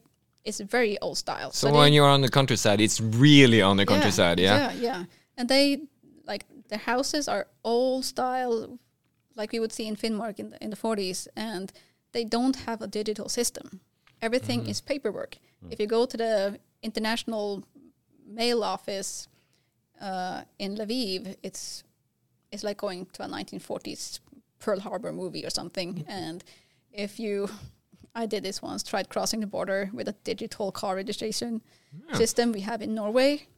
They don't have a digital system, so I had to get it mailed from the Arctic to get the original paperwork because everything is paper, and that takes time. It is so much unnecessary wasted time and effort. And stuff you don't think about. Yeah, because they they haven't entered the digital world yet. Just so you, because we're just spoiled Norwegians, uh, basically. Yeah. But uh, you told me uh, the part with the people have their uh, the curtains shut and you have to keep it dark. That's exactly the stories we heard from our grandparents. Sitting home, keeping the curtains closed, don't light any, don't have any lights on in the. Yeah, we turned off the lights here too. it's a sensor in the hall. Uh, anyways, yeah, they they turned off all the lights, pulled the curtains back, just listen to the radio, and they had to hide the radio because you weren't allowed to have radios even Yeah. Yeah. you know uh, you heard those stories uh, when we were younger and i was so fascinated about them but it's the same Yeah, and curfew too. They had curfew back then too. yeah yeah So and now all through the war, there's also curfew and there's checkpoints, which we heard about our grandparents in, in Finnmark. It's dark Yeah. after, like black blackout after dark. All this, it's just like Sorry, the stories we heard. yeah yeah and uh, it's like uh, it's like uh, it has so, as a war have so many sides I've heard my grandparents told me to like on their property on their farm in uh, in my home place Kistad uh, there was actually a big military German hospital with uh, like two two and a half thousand people around there uh, working and uh, soldiers and doctors and everything. And it was like one moment uh, my grandfather's my great grandmother I guess it's got sick. So okay they went like doctors doctors and nurses from the German hospital came down to the farm helped them gave the kids chocolate. The kids helped the German soldiers to defuse bombs and grenades because they've been doing that for years with uh, with uh, wires and everything like that. They have the techniques like 10, 15 year olds running around. So they had like a got a relationship with the soldiers, but still the next day they were dumping Russian prisoners in the fjord. Yeah. So you got like a little like post traumatic stress almost just because you you have those uh, opposites opposite experiences. Yeah, and that's so weird to me too. Like coming from our- our village, and you know, like the stories where mm-hmm. the the road filling was just dead Russians. Yeah. Yeah, like we're the roads we're driving on every day in our hometown, and we always knew from age six, seven, eight that oh yeah, all the prisoners of war that died while building this road, they were just used as a land filling, like a road filling. And then here I am fighting the Russians after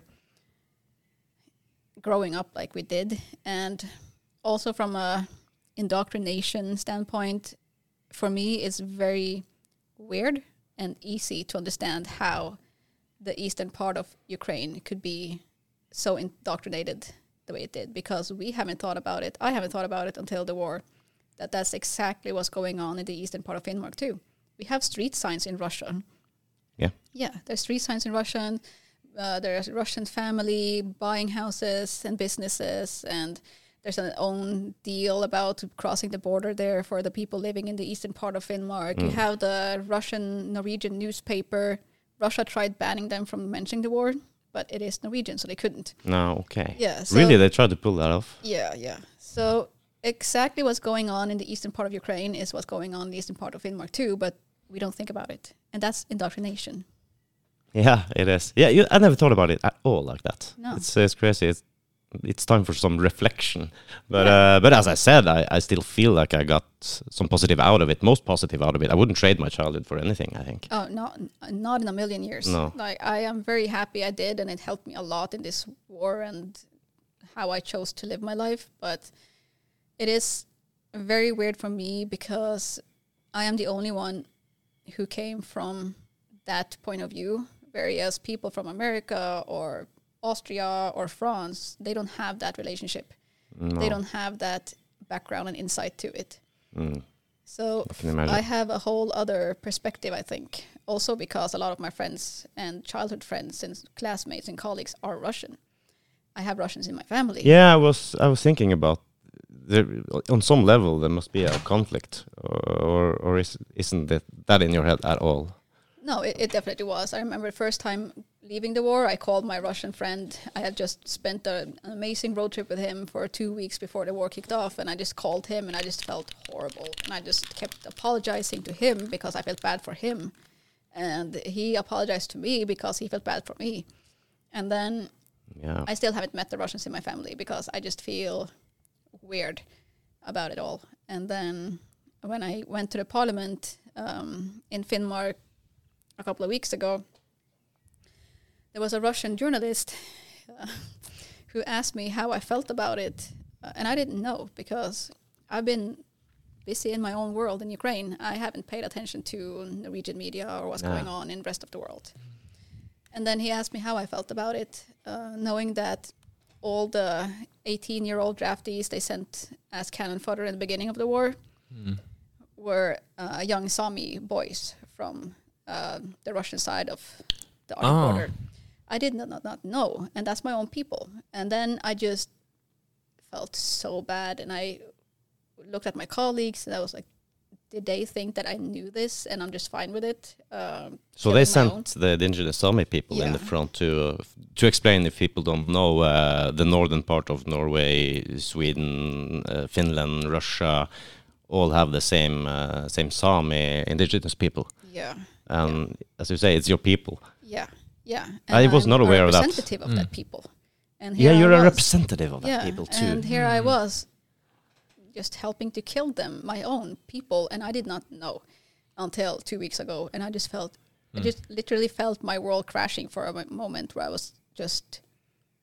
I felt horrible about it. At the same time, I know I can't because yeah, that's Yeah. Putin's deal. He's he sent them, but I didn't know it was my own, and it's a whole other game. when you know, you actually like that's your own people. It's it's not enemy. It's your own people forced to fight you, and we fought them. And my most, uh, the thing I thought about the most was just my my Sami people and my colleagues at the parliament. I didn't want them thinking that I knew all along and I was just fine with it. Um, Mm. because I didn't. I did not know this. So there's a lot of things to this war that's just surreal. the question is, would it made a difference? Actually, a difference in the moment. I mean, no, it mm. can't. No, It can't. no, it would not. It would not have made a difference. But I would have made it very clear that okay, I am aware of this, but the way I talk about it, I've never spoken about the enemy in a disrespectful way. I have never said I hate Russians because I don't. No. I have a mm. lot of family that are Russian. I have a lot of friends that are Russian. Do I hate the enemy and what they're doing? Yes. Do I hate Russians as a people? No. I hate the people responsible for this war. Yeah. I hate the people do, doing war crimes.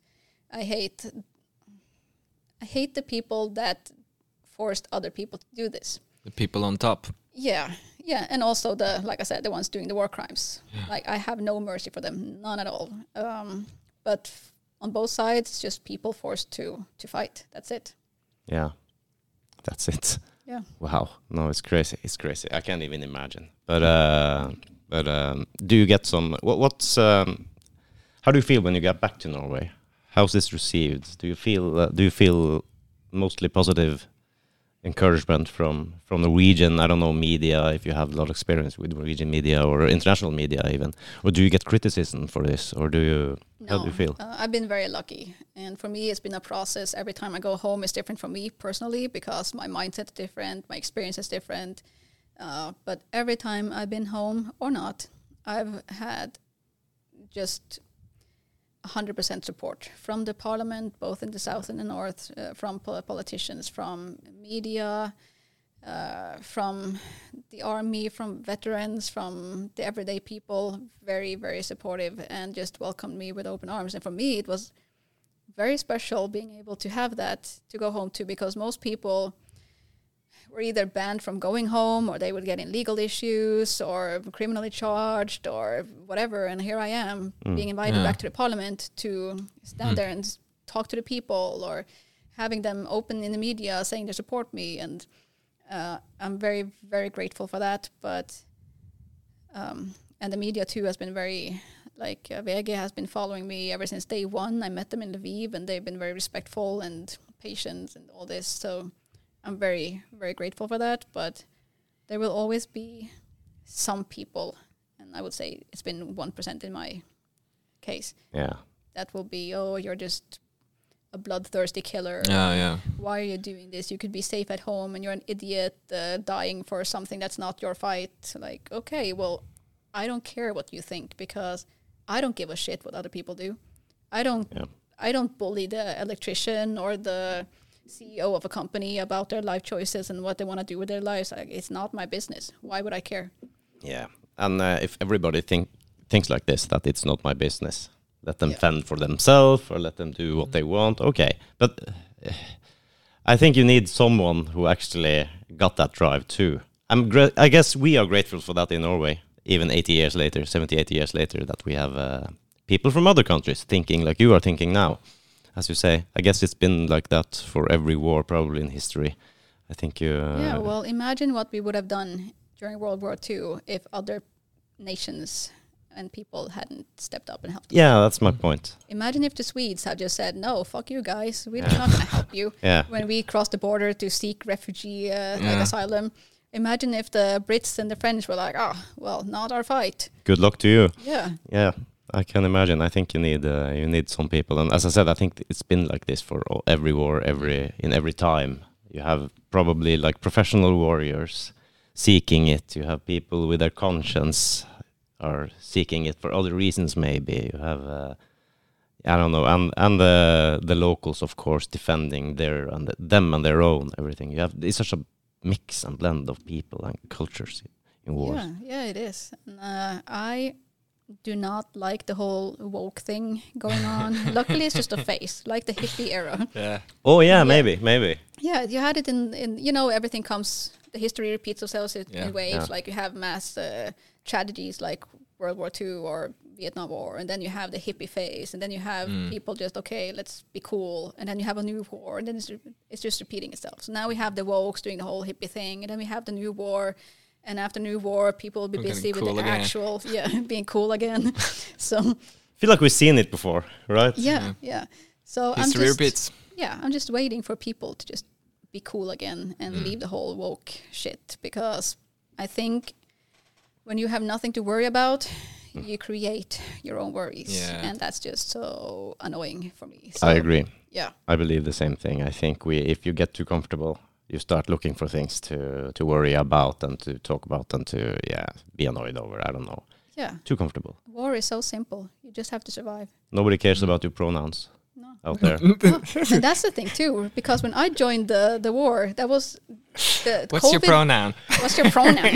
yeah, nobody cares. And like COVID, Jesus Christ. When I went into Ukraine, Yeah. COVID lifted the, in Norway the week before, but not in the rest of the world. And I came to Ukraine. I was so sick of the whole COVID thing. I came to, to Ukraine. I was stuck in a bunker with 20 Ukrainians for days, and we only had one water bottle. And I remember looking; it was pitch black and cold, and we were getting bombed, and the, the house was getting smashed. Uh, we were just looking at the ceiling. Oh, will it stand? Okay, probably one more night. And we had one water bottle in the dark in the basement in the cold. Everybody was passing the water bottle around. I remember being so happy and so relieved because COVID was not a thing. You have to see the positivity in it.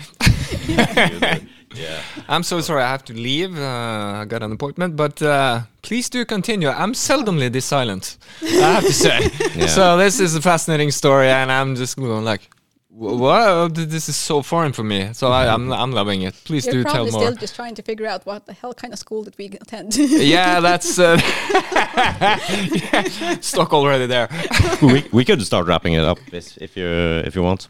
Oh, it's uh, whatever you guys want is fine with me. Yeah. You got uh, yeah. We can talk a few a few minutes more. I can wrap it up in a proper way. Yeah, and I can listen to it later. Yeah, you can listen to it later. Yeah. So, it's been been delightful, Likewise, Sandra. So I'll see you guys later, and please do continue. he's gonna go straight home and Google our school. Not shade, and especially about the Ukrainian military as well. yeah, yeah you got some uh, work to do. Good luck with the frisbees, Mattis. See ya. Then I'll shut him off. He got some important business to take care of. You, you can hear. oh, so where were we? Um, mm, mm, mm. COVID. COVID. Yeah, that's just thrown in there. Oh, so happy it's gone. No, not not. Is it is it gone? it is gone, but I will say this: traveling during COVID, amazing.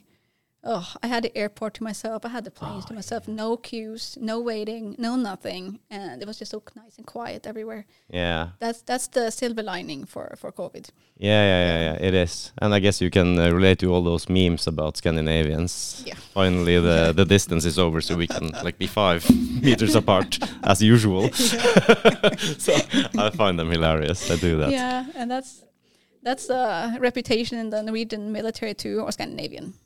All Really? the all the other nations somehow know that the Scandinavians are very cool, calm, collected. There's no drama. There's no yelling and screaming. There's no nothing. We're just silently standing there observing and then Mm. doing whatever we're supposed to do. You know what? You can re- relate that to international sports too. yeah. You can. You see uh, football uh, or soccer if we have American listeners. I don't know, but um football. It's you hear it again and again, and you can see it again and again. The Scandinavians uh, they they stand out because they rarely complain. Yeah. They very often do what they're supposed to do and more. Uh, and they're like, yeah, yeah, they're- not like high and low. You got your measure. You you, you have your uh, your feelings in check. I don't know if because we are just like numb. People say we have no feelings. We have no. I think we do, but I, I'm not sure why it is. Why this is. We are raised this way because that's our culture. We have been through, well, we're used to having the fishing industry for years. Where first of all, the Vikings with all the you know rape Yeah. and plunder, and Yeah. then we had the Black Plague and farmers and fishermen and reindeer herding, and you're used to just a lot of hard work in hostile environment Yeah. the weather, the climate, everything, where you you focus on your job and you do what you're supposed to do. And with such a small community, because we are only five million people, and used to be a whole lot less, you have to behave.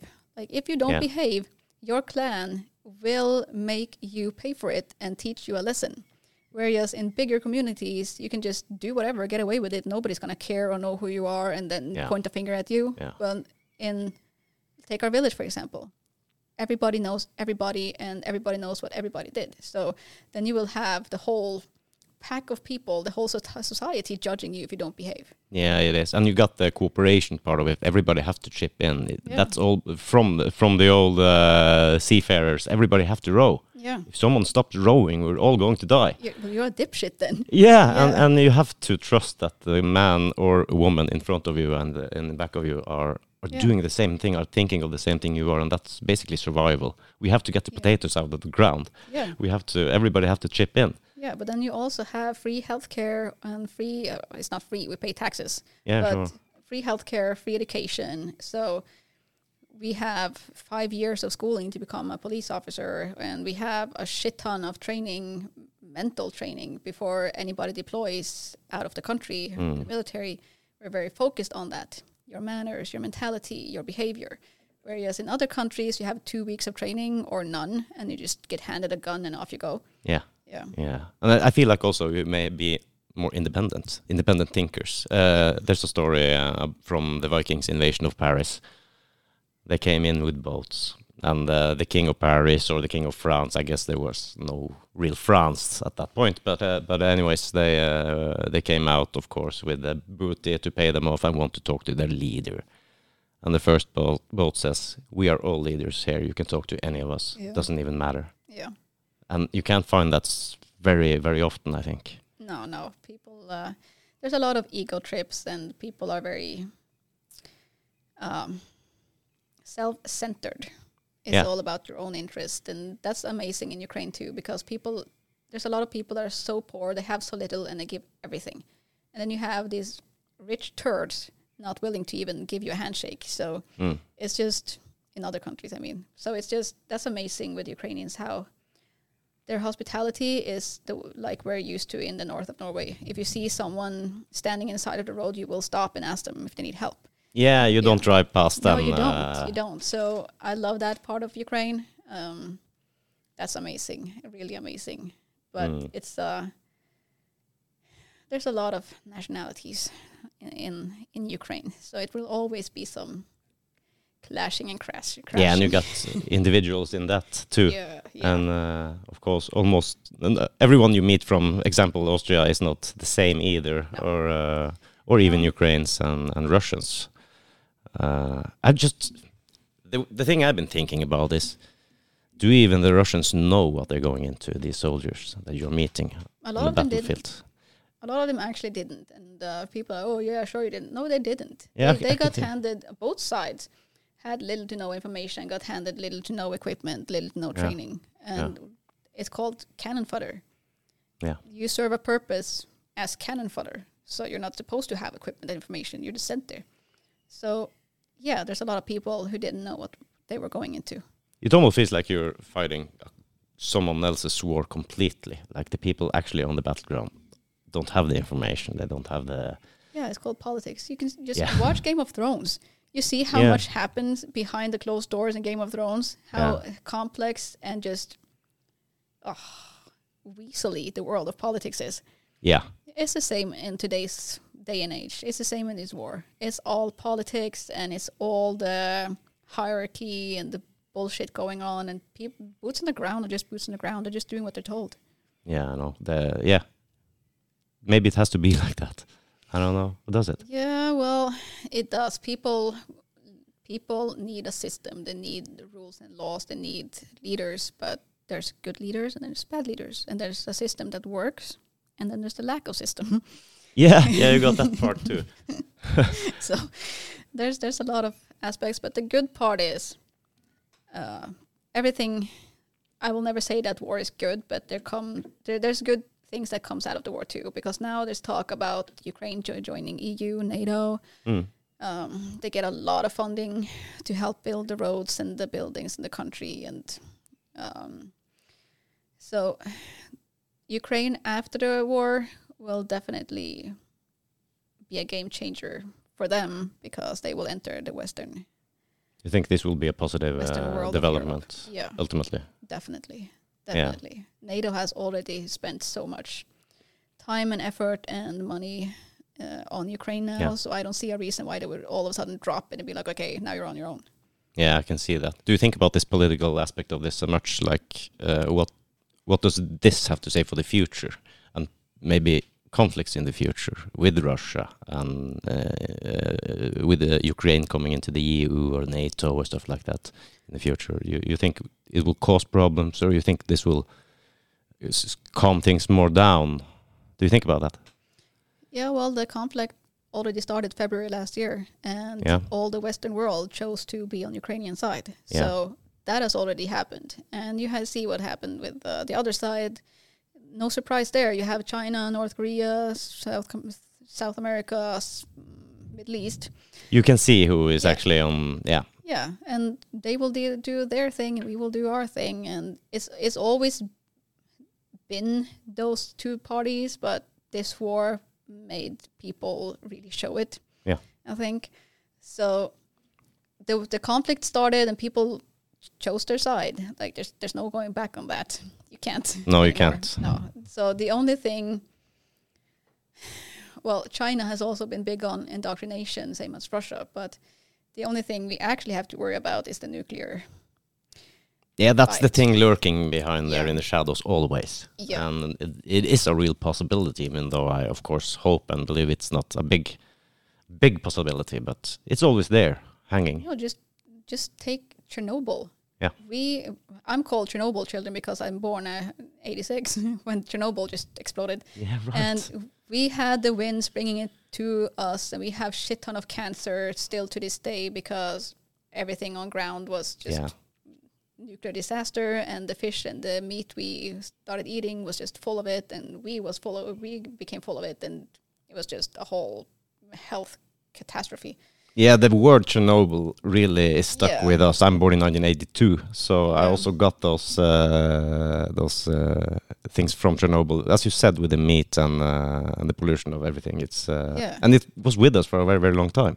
Yeah, and now just see the the number of cancer is insane in Finnmark. Um, Oh, it is. and- Yeah.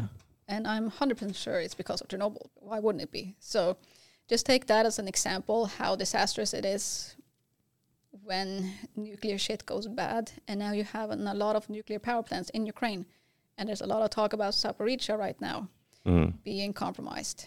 You yeah, because there was stuff going on there. Yeah. I saw in the media. Uh, Did they? Do we know anything? Well,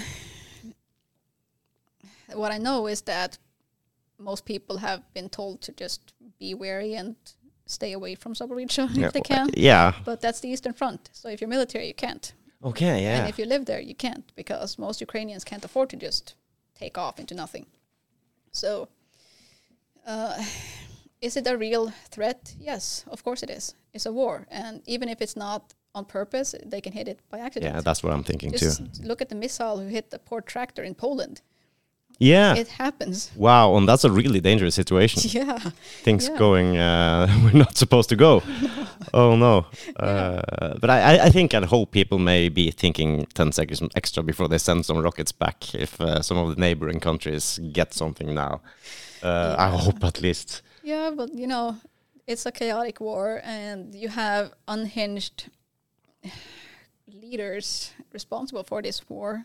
Mm. And well, you saw Kherson got flooded, and they definitely rigged up Zaporizhzhia ready for anything. Mm. So, is it a real threat? Yes, it is.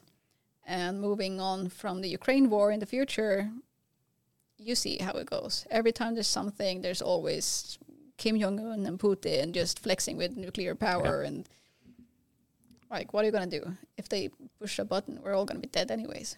It feels hard to get some real actual progress in society and in the world with things the way they are now. With everybody has their finger or the threat of a finger on the red button. It's like, how do you deal with that? Well, if you if you ask me, it's kind of cowardly and stupid. Yeah, it is, but I'm gonna push this button because I'm not tough enough to fight. So Yeah, but you can also be mentally unstable or full of drugs, or you never know at the end of uh, of uh, yeah. You can see Hitler. Uh, I don't think he was sober at the end. I don't think he was thinking clearly. Uh, oh no, he was full of drugs and shit. so yeah. if we had access to it, what could have happened? Yeah. So uh, that's the kind of scenarios, and you hear about this all the time with Putin and backed into a corner and mentally unstable and perhaps drinking and you know all those things uh, put together. Who knows? But it's it's a thing we have to live with, I guess, and hope, as you said, that people people are uh, not cowards. Um, Well, well, Oh. Just people are. There's a lot of different versions of insanity, and like making a camp and burning millions of people. That's that's insane. yeah, And taking seventy thousand Ukrainian kids on a bus and shipping them off to Siberia. That's also insane. So yeah. yeah, You got levels to this shit too, yeah, but uh, still in 2023, we are just watching it happen. We all see it on the news. We know that these 70,000 kids are kidnapped and sent off to Russia. And we're like, okay, well, whatever. Yeah. do you feel um, do you feel like the I'm talking about the Norwegian media right now. Is is it? Um, do you feel it? It's what do you call it? Do you feel it is? Uh, they hit the nail on the head when they report the stuff happening. Are they accurate, or do? Because I I I hear, I try to get multiple perspectives. Uh, mostly because usually you can't get your information from one place only. But uh, but I've heard everything in between. That Russia is winning, Ukraine is winning, and everything in between. Yeah, Uh, but then there's the thing with propaganda. yeah, You, the truth will never come out until the war is done, and not even then. yeah, maybe. Some of the truth will come out, but now both sides have to pull the propaganda game because neither part wants to expose their weaknesses. that's the that's the part. Yeah, Yeah. you can't almost. Uh, yeah, so there's so many times I just wanted to shut people up or ask for help or donations and just tell people what's actually going on. And then you can't because now is not the time. Yeah. After the war, maybe, but now you're just gonna damage the war more than you're doing good. So it is what it is anyway. yeah, you're just quiet. So it, there's very limited. Um, I'm sure they're trying their best to get the stories and the facts straight, but there's limited access to it Mm, now. Mm. there's limited uh, if you're media you can't just go to the front. You have to get access to it. You have to get permission from the commanders the leaders to go there. And then there's also not a lot that people will actually tell you from the reality because you can't Yeah, I guess that's true too. yeah Some So some things. limited. You you see some some volunteers here and there that's left the war and they're pissed off and frustrated. They've they've gone out in the media and be like, "Fuck all of this because all of this and this and this is bad or not working as it should, and this is reality. It's a shit show." Mm. Do I understand that they do that? Yeah, the world should know, but you have to think about everybody's still there. Yeah, you do. Yeah. That's um, it's complicated. it is complicated and it's annoying. It's very annoying. But after the war, after Yeah. the war, sadly, we don't need the help anymore. Then, but then people will Mm. understand what was actually going on. Yeah. And I think a lot of the future here will uh, be in the hands of what happens with politics and funding and stuff like that. I, I'm switching over a little bit to the American side too. There's a lot of talking in America about the funding of Ukraine and perhaps, I don't know how long this war will be, but uh, perhaps a new president. Uh, will that have something to say for the future of Ukraine? Like small political stuff, not small political stuff, but the political stuff Definitely. so far away. Of course, it has an impact. Definitely, and that's um, uh, it doesn't help. I I love Ukraine. I love all my brothers and sisters in Ukraine, and God bless the souls for everybody fighting in Ukraine. But it does not help Ukraine having the reputation they had before the war with the level of corruption and shit. No. that has definitely ruined a lot. Um, and now with political changes going and people being tired of the war, like you move on to the next thing. They they wanted to focus on Meghan and Harry instead. So Yeah. it's it's how the world works. You have to have the wow uh, phenomenon, and then when people get used to it, it's like moving on to the next story. And with political changes, let's let's be honest, America has their own shit to deal with Mm. their financial crisis, political crisis, all this stuff they got to deal with. But also, as um, sovereign world power uh, with like three, four hundred million people, Yeah, I think they're like Um, 300 yeah. million people or yeah. something. Sadly, they carry a lot of the weight, having to be the defender of all of NATO, Western world, and the economic power and all this stuff. Mm. Um, but if you back down now, I feel like it, it was all just a waste. Why spend 18 months, so many people and gear and munition and money, and then all of a sudden just stop? You have to finish what you started. Yeah, but it feels like a game almost uh, when, especially in the American politics, because you like you got four years, they do this and this and this and that, and then another guy comes in and Yeah. turns it around. I don't want it like this. I don't want it like that. We get out of that thing, isol- isolationism or what do you call it? Uh, so, and then maybe you have another president, and then we're going back in, and I don't know. It's it seems like um, this is how it works all over.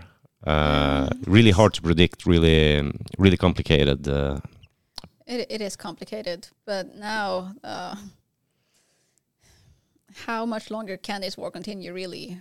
Because both both sides are depending on munition Mm. and financial aspect and troops.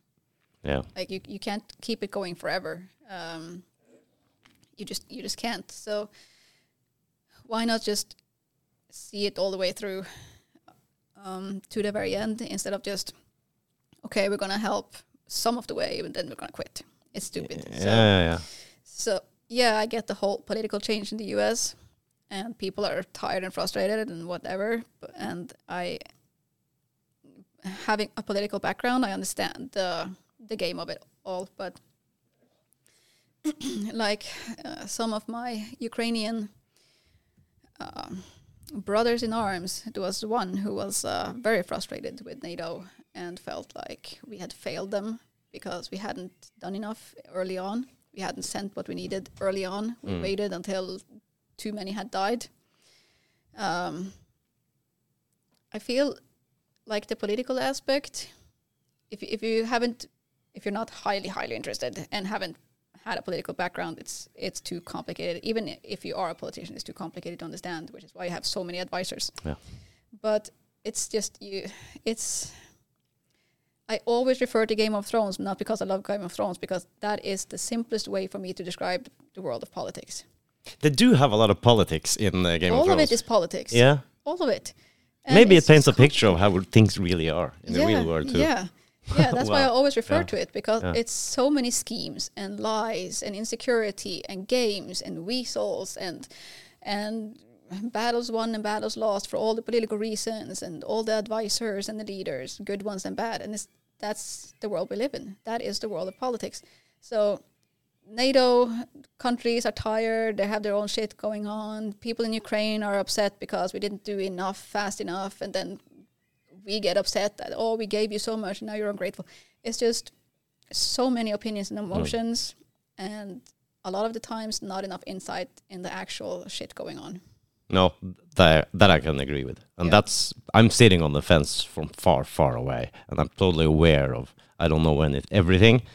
I practically practically don't know anything. I know more now after you've been there, but uh, I can get at least get a feeling of how it is over there. But but the politics part of it will always be far fetched for me. It will always be uh, hard for me to understand. But I know why it's there. You need politics on some levels, I guess. You do need politics. Everything is politics. Yeah, it is. If you are upset about your paycheck or the bump in the road, it's all politics. but I Yeah, hate is. it. Do I love it? I absolutely hate politics, and I hate the world of politics. But you have been involved heavily in politics. Yeah. And I made it very clear I'm not going to speak about anything I cannot stand for. Yeah. I'm not going to play the part. I'm going to be exactly who I am. So if I'm going to sit wasted in my boat, just swearing my ass off and Mm. have my nude picture from Gulderpiggin as a Facebook uh, profile picture, that's what I'm going to do. Yeah. And they said yes, because that's your strength. Just do you. So I don't speak the language. I never did, but I guess that's why people listen because I speak a language people understand. Yeah, that stands out. So uh, I think that's a big strength, and um, Yeah, that's what you look for. Sadly, in today's world, there's a lot of bullshit. So I Yeah. understand that the boots on the ground, the soldiers, they're like, fuck politics. We're not here to deal with politics. In this war, you have to. Yeah, and you you feel you have a um, not an advantage per se, but um, a bigger understanding of the whole picture with your uh, with your involvement in politics before, and and your uh, involvement in the war now.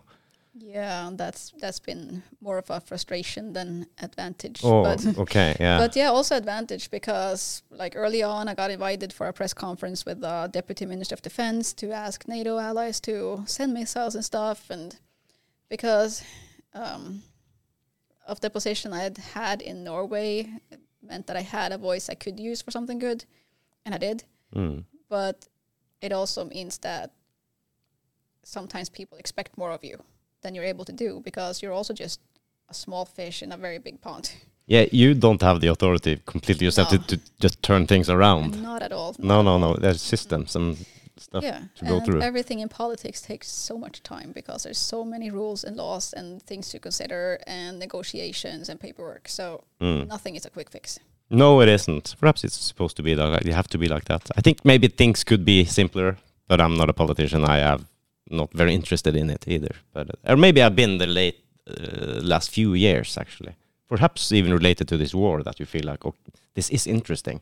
See what's going on, poking behind the, all the politics. See if you can. Uh, if you can see what actually is going on, but you can't. I can't. Uh, so Now I feel like the old Viking version of it all was probably simpler. you had you had uh, your villages and you had your chieftain or king Yeah. of the the group or whatever, and then you had your counseling. Yeah.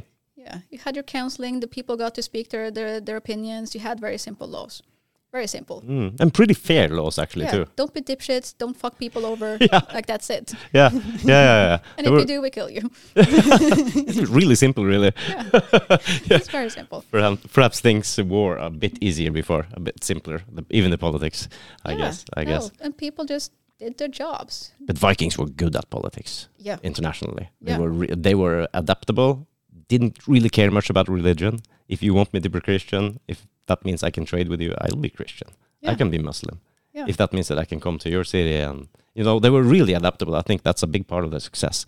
Yeah, and that's Uh, that's so cool too because, like the Americans sometimes just like, oh, here we are, like we were in the Middle East and people hate us forever, and you guys just raped and plundered the whole continent of Europe and Middle East and came to America, and now people just worship you like gods and cool, uh, cool Yeah. as fucking TV shows and just rocking the shit out of it, like. You guys had slaves too, and everybody Yeah. hates you. And we're like, well, we did, we just did it right, okay? Don't hate us just because we won. Yeah, So- that's right. Yeah, and that's, that's, right. cool in in Ukraine too because one of my ancestors actually went and funded uh, Kievan Rus, which is now Kiev. Mm. Um, and they're big on the whole Viking culture and thing. Mm. They love it. And during this war, they just blossomed and they burned this big Viking ship to honor the fallen during Christmas with torches. And they have Viking hairstyles and tattoos So cool, and so cool. slogans and they sing Viking chants. And I'm just, fuck yeah. Yeah. Go. You go, brothers. You you are just doing it right. Practically like home. Yeah. Yeah, yeah, you know the Kievan Rus and and um, they founded a lot of those uh, those cities, I think, in Yeah. Ukraine, and uh, I even heard, I don't know, sh- not sure about Moscow, but you've got Moscovia, and you have those early, early. I don't know if there were nations even, but uh, I think all of that is really the the Kievan Rus or the Rus coming over. I mean, Rus means men who rose. Yeah. It yeah. does, yeah, So Russia, Rusland, Yeah. rowing men's land. yeah, Because we came, we saw, we conquered, like everything else. yeah. And we just, well, people see uh, the Vikings and the culture and the whole thing as the epitome of just warriors. So Yeah, it is. that's that's cool, but we also had a working system, uh, culture, which We led did. to our nation today, the Kingdom of Norway and Iceland, Yeah. for instance. So we we uh, rock the shit out of the out of the war game, but also the political game, and just take females and divorce, or even just the whole concept of uh, equality. Yeah. We had shield maidens, Valkyries. We had female warriors. More than we knew. Yeah, as long as they did their part, who the fuck cares? And you see that today in our militaries too. It's normal, it's mandatory for both men and women Yeah. to be in the military, and nobody gives a shit. Like, as long as they're doing their part, nobody cares. The same at sea. Mm. Do your part, nobody cares.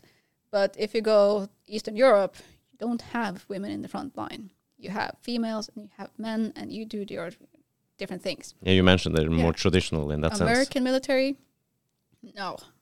Females are hated in the military.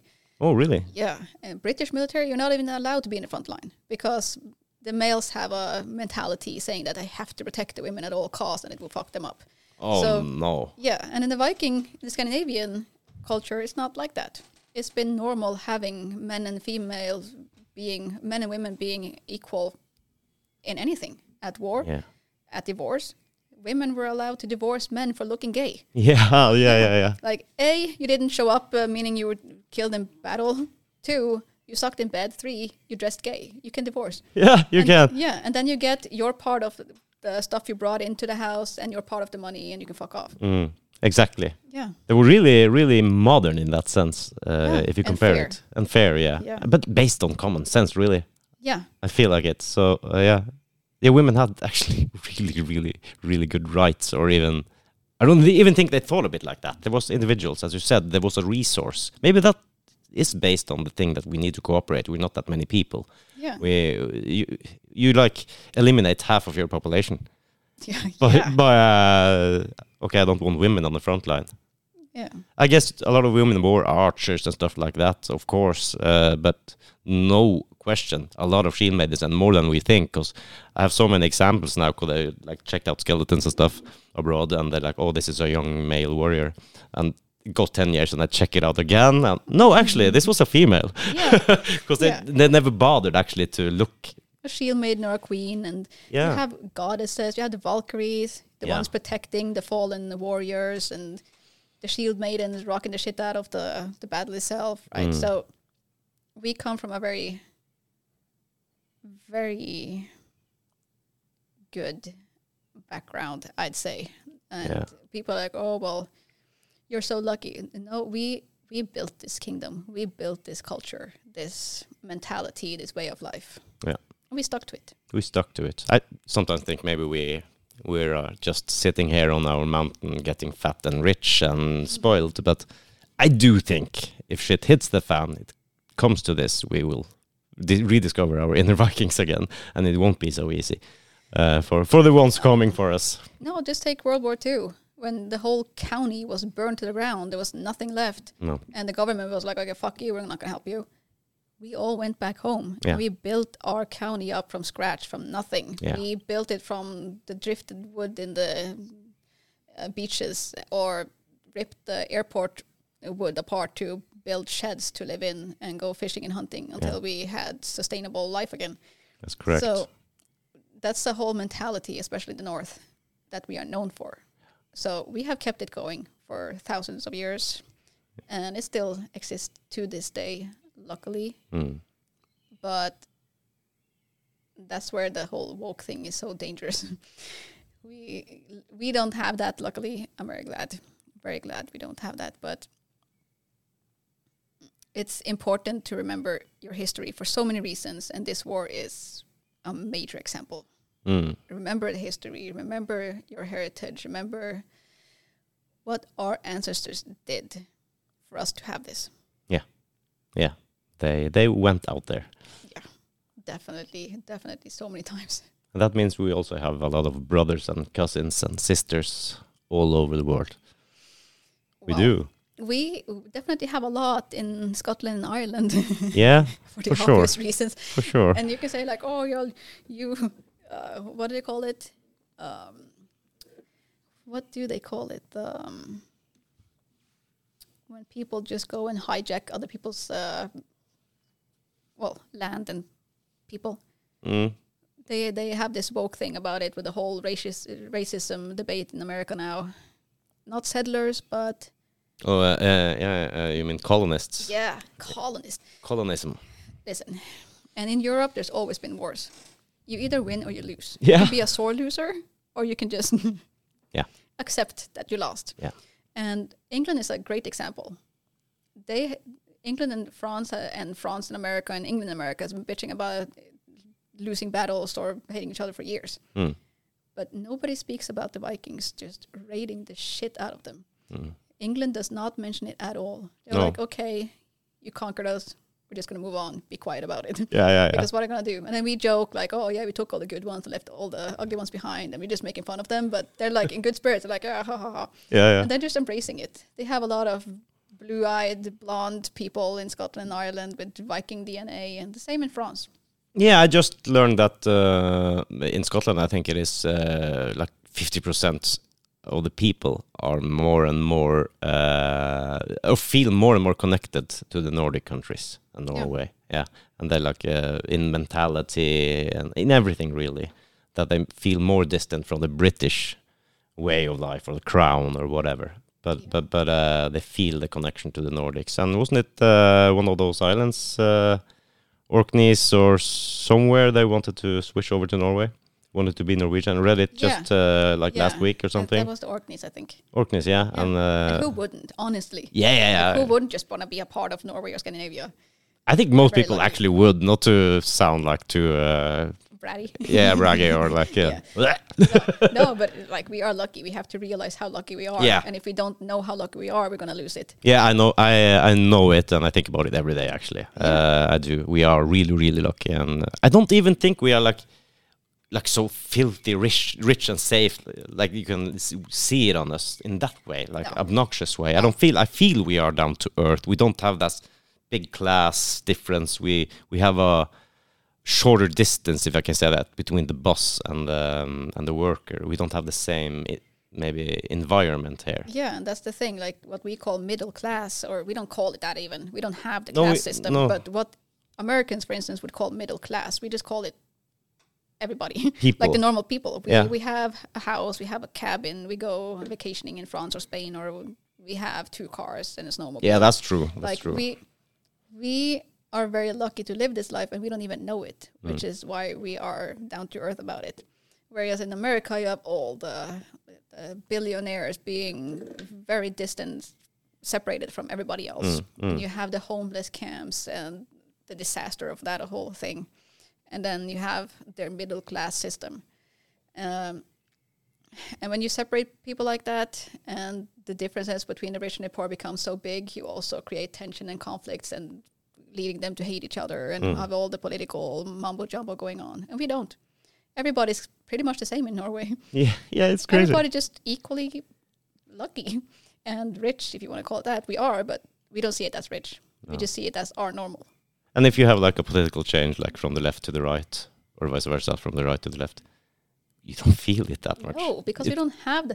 it Remember a few years ago when someone tried being somewhat dramatic and and just taunting a politi- uh, politician about their background or something in the media, Mm. and everybody was like, "No, no, we're not going to do the American way," meaning super dramatic. We're going to be decent about it. This is an election. It's not. It's not a Mm. circus. We're not going to be mean to each other.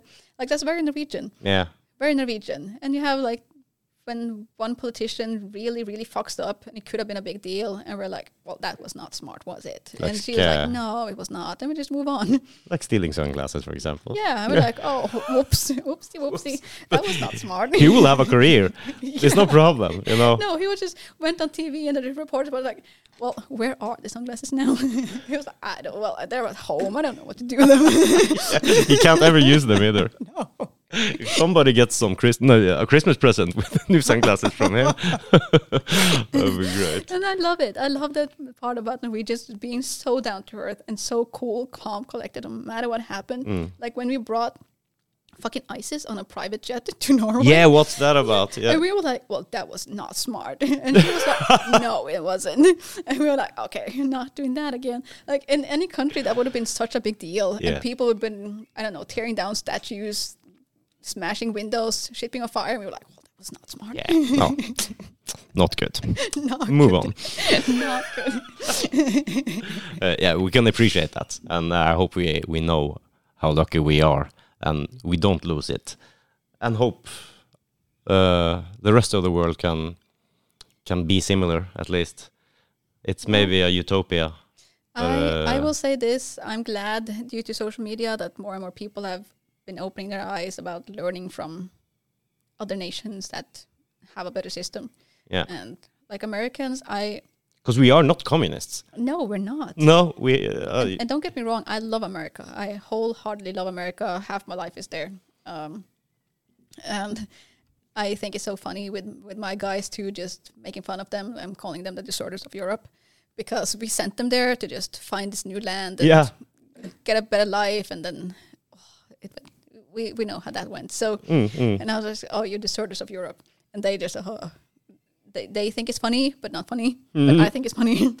and then I love uh, the Americans embracing their Scandinavian or Irish, European heritage, Mm. trying to get that culture back, trying to learn our ways and culture and history, and wanting to really bring that to their community. I full fully, wholeheartedly support that and love love that. Like you, you do you. I Mm. will cheer you on. And then you have those who just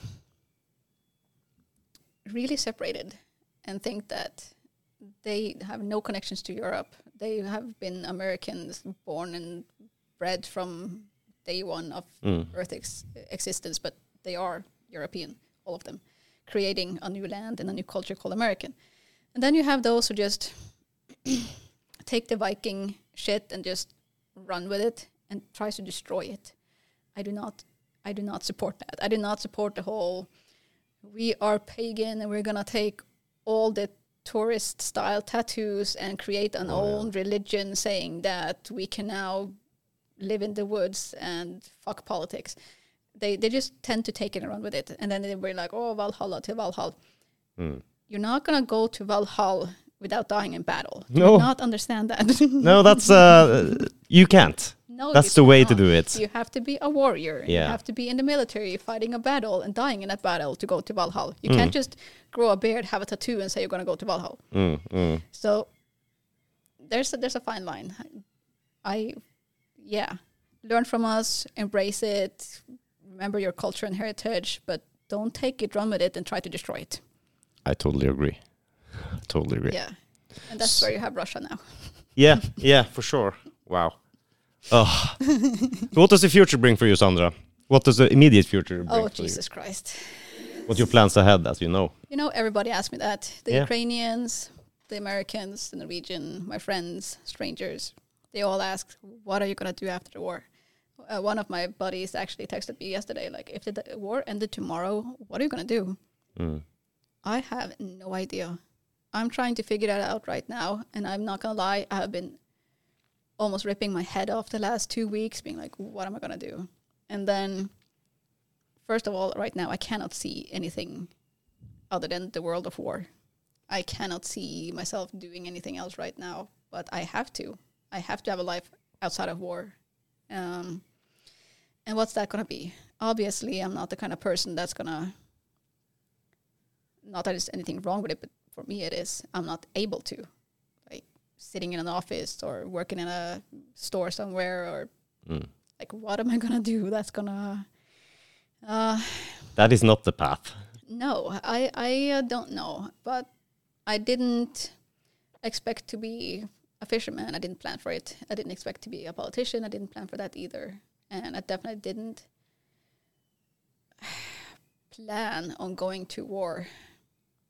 I wanted to have a career, um, but I didn't plan for it. It happened, and it became my whole world and my whole life. So.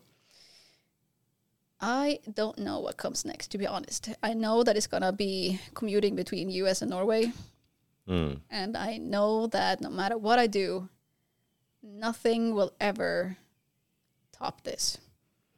There, nothing I do will No. ever top uh, going to war in Ukraine. So now it's just a matter of figuring out my life, and I'm never gonna lose my Norwegian citizenship, but my goal is to have dual citizenship and be able to have the best of two worlds, the US and Norway, Yeah. and hopefully sit on my porch with a glass of prosecco and watching a sunset and laugh about being sick, scared of Sam Squanch and enjoying peace and quiet. That's what I want to do. So I'm just gonna see what happens because up until now, every week was like, am I gonna be alive next week? I don't know. Yeah, because you're going not. back, or, or Yes. yeah, you're going back. Well, my plan right now uh, was to actually go to Montana Mm. and see if I have a future there because I'm lucky enough to have connections and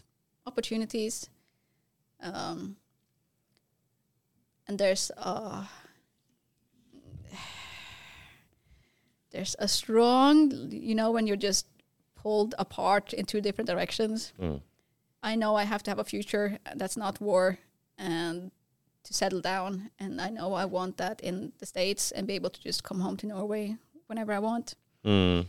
Uh, That would be ideal. yeah. And I've never understood why I have to choose if I can build a life that allows me to have both. So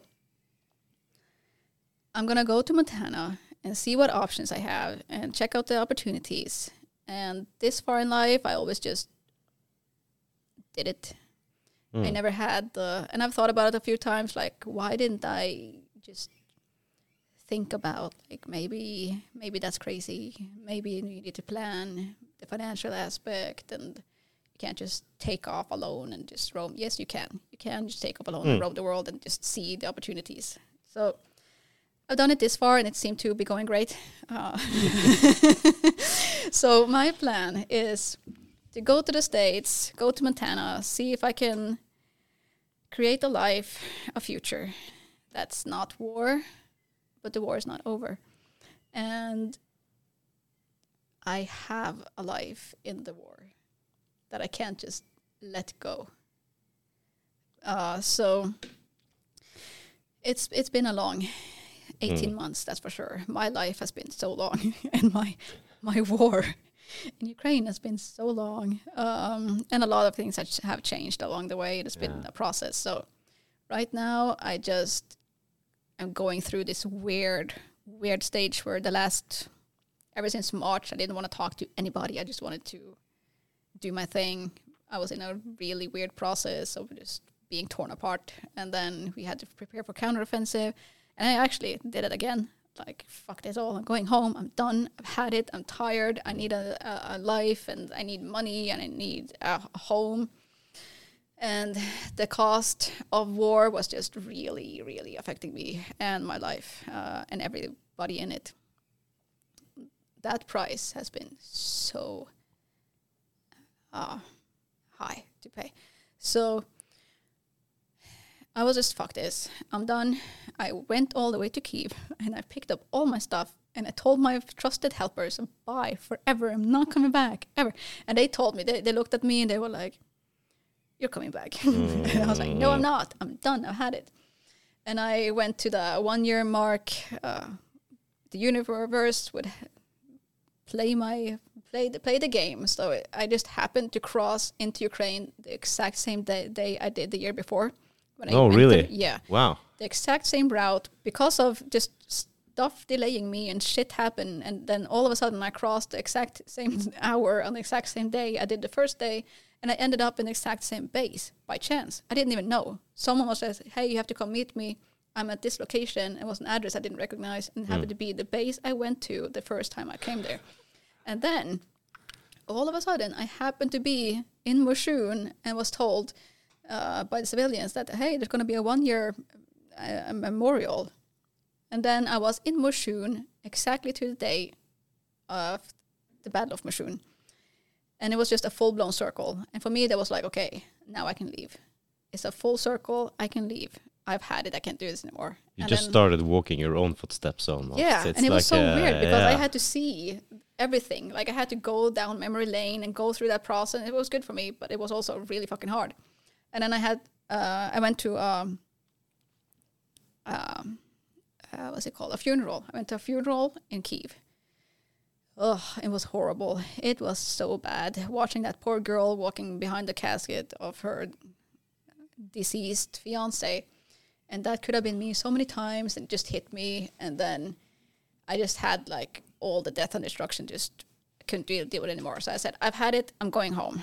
I need a, a life. Uh, I told my friends i'm going home. I've had it. I'm done. Took my shit left came to norway. And then it's just one day later i get a text from one of my best friends like hey gather your guys we need to be ready Mm. and I was just, of course, I just packed my shit again and turned around. You were ready. Yeah, because how can I say no to people that have become my best friends and confidants and allies and brothers and when they need help and actually ask for it, you don't say no. So I just turned around, went back, and helped prepare for the counteroffensive, and slept in the tree lines for a couple of months, and helped train a whole battalion. And they needed that help um, with their lives on the line, Mhm. literally. And then counteroffensive came, and a lot of bad shit happened, and that was just awful, awful. So that definitely took a toll on me, a major, major toll on me. And you feel guilt, and you feel grief, and you feel all the emotions, and it's just been a very long war. So Mm. then uh, I had to reset. I had to have a couple of days at home, which I'm doing now. Uh, I had a week of just being out of it and being sad and mad and frustrated and confused and tired and war fatigue and all this crap and Just then feeling things. feeling things Yeah. and that's the thing for the very the long time the first probably nine months of the war i felt nothing i was just disconnected Mm. didn't feel anything didn't think about anything i wasn't sad didn't, didn't cry once i just did my did my shit Yeah, I think maybe it's uh, like a, a- thing your body or your mind can do yeah when it needs to or have to. yeah but I, at the same time i remember like looking at my guys every day uh, no matter what we did they could be laughing and making breakfast and i just looked at them every day and like please dear god don't let them die today so i did feel something but i felt Mm. nothing Yeah, I can. I think I know what you mean. I haven't felt anything like that, but of course, it's it's you have some distance, but not. Yeah, yeah. And then I started like having all these weird processes of watching civilians in the streets, and everybody I saw were all the dead people. Like all the dead people you see, and then you see the civilians walking in the streets, and you're like, that's their people. Yeah. That is people. Yeah, yeah, yeah. It's not just shadows and blurry faces and things laying on the ground. It's it's them. Mm. And then you have all these weird processes. But after this counteroffensive and everything that happened the last month, it was just definitely a major scar to try to heal. So Mm. uh, it's horrible, horrible. So now I've had a couple of weeks of just feeling feeling sorry for myself and being mad and all this crap, and then just laying in my, in my room and being like, "Oh, everything sucks and I'm dying." You know that. Mm, it's a process, I Yeah. guess. But I I let myself have that for a day or two, and that's okay, and then I move on. Yeah. So you just carry it with you, and that's what I do. So it doesn't matter. Like I can lay down and feel bad about it, or I can move on and do my thing and still feel bad about it, but at least I'm moving on and doing my thing. Yeah. So now I'm in the process of just okay, am I gonna actually call it a quit, go to the states, and build life for myself, or am I gonna go back and do my thing Mm. until the end and Mm. try to maybe make a better, more balanced version of it? Because now I'm not a newborn anymore. Yeah. Now you Yeah. you're a, you're a vet. I, I know this war. I know Yeah. that country. I know the system. I know how it works. So you grow with it, and I definitely grew with it. So now You I'm talk to trying to, people. find a balance. yeah, I think balance is really important, but maybe Yeah. that's something you need to learn also. Yeah. Uh, do you ever talk to people who's been through this several times before? Take advice uh, or get help with the with the mental. You know what the mental stuff. You know what what awaits you. I guess that's a process for most people who experiences war in one way- one way or another with PST stuff like that. Are you prepared for for stuff like that later? Do you talk about it with with people who may experience this kind of situations before? Ugh, we have had. Ugh, there's been so many uh, examples of PTSD, and uh, I've definitely had my fair share of having to live with PTSD. Not me personally, but having to live with someone with a heavy case of PTSD, Yeah, and that's exhausting. Um, and most people I know in military or especially combat vets have PTSD. There's different levels, Yeah, different way to handle it, different reasons for it, different triggers, different everything. So PTSD is normal in the world I live in, but we don't we don't sit and talk about it. It's just a normal. It's what it is. Yeah, so I know one guy who can't stand someone clapping behind his back because it triggers him, and I know someone who can't touch alcohol because then everything hits the fan. Yeah. Like there's just different things, and for us, it's just normal. It's a part of it all. Like if you if you can go through a war without having any emotions or consequences, you're probably a psychopath. yeah. So- yeah. Yeah. yeah, so it's just some might call call it PTSD when like the first time we went out of Ukraine and came to Poland, there was a, a plane coming above I really immediately ducked down because we're not used to having planes in Ukraine unless it's Russian. Oh yeah, yeah, yeah, yeah. Yeah. Mm. Uh, so we were like, okay, may- maybe someone would call it PTSD, but I call it natural response because we're used to it. Mm. Yeah. So, I um when I met you outside on the parking lot today, I uh, warned you and not this about the bombers. And uh, you almost threw yourself to the ground out there, but uh, well, you, you literally pointed to the sky. You're like, "Watch out! It might hit, drop some bombs." And for me, where I come from, Yeah.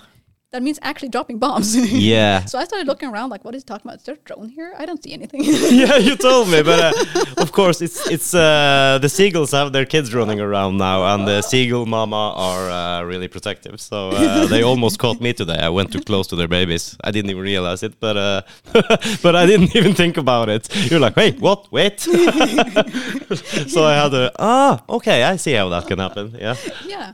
No, it's just your body is used to living in an environment where you have reflexes. yeah, Yeah. You go through shit where you have a body, like muscle memories. it's more like primal stuff. I think that's the way people felt when they still lived in the jungle. You you needed your reflexes. Yeah. There's a sound. There's a reason we're afraid of the dark. Yeah. The cats are in the dark. Big cats hide in the dark. They Nothing hunt good is in the at dark. night. No, there's a reason. There's Yeah, always a reason. Yeah. No, it's just I wouldn't call that PTSD. I would just call it natural response mechanism. Um, Maybe that's just a long, long, long generational PTSD. The fear of the dark. yeah, or survival mode. Yeah, like basic survival. survival skills, instincts. But no, no, there's definitely going to be a lot of PTSD after this war, and already is, and you can see it with people just being out of their minds, and alcohol is a thing, and Yeah. you know, and that's that's normal. You have to go through it. You have to be sad, and you have to be mad, and why wouldn't you? And even even for me, that's wild because I I have never liked complaining or feeling bad for yourself or just laying in a dark room and crying and stuff and just shit happens you deal with it you move on Yeah. and i've experienced a lot of shit in my life which probably has had an effect on how i deal with war too for sure but even even while going through war which is the most extreme you can experience of bad in this world. So much bad.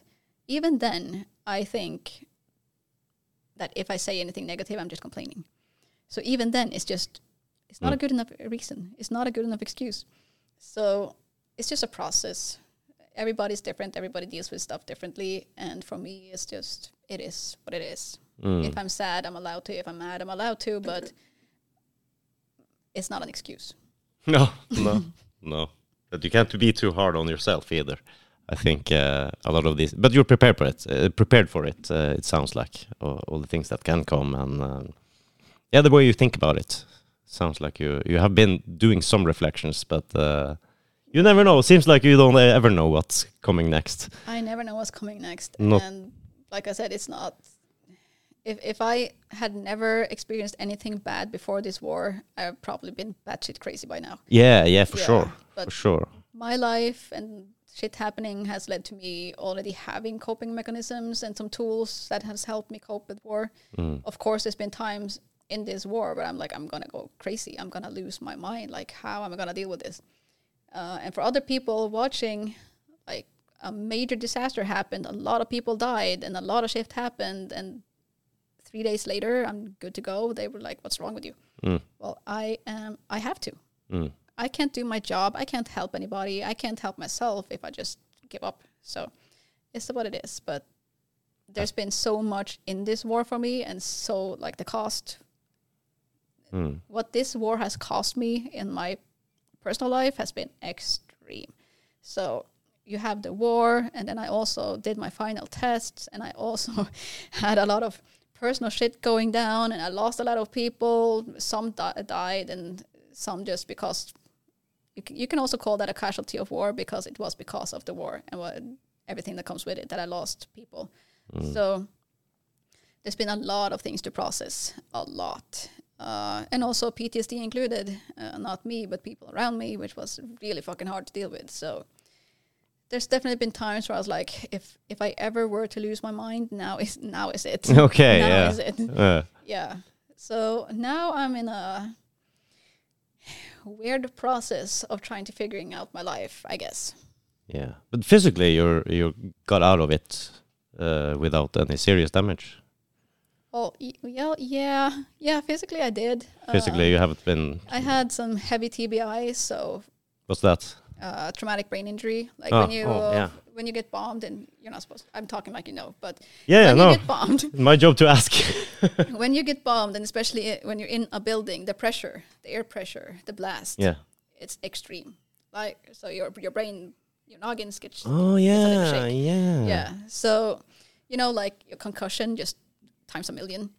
That's So- some aspects you never think about. Yeah, Like yeah. okay, I wasn't immediately there, but but you have uh, But. I was immediately there because Yeah. it hit my building Yeah, of course you were pretty, a little bit too close. I can. many uh, times. Yeah. not just once, many times. And I, when everybody took off to the trenches, uh, to the tree lines, to avoid getting bombed, I stayed in that building to treat the casualties.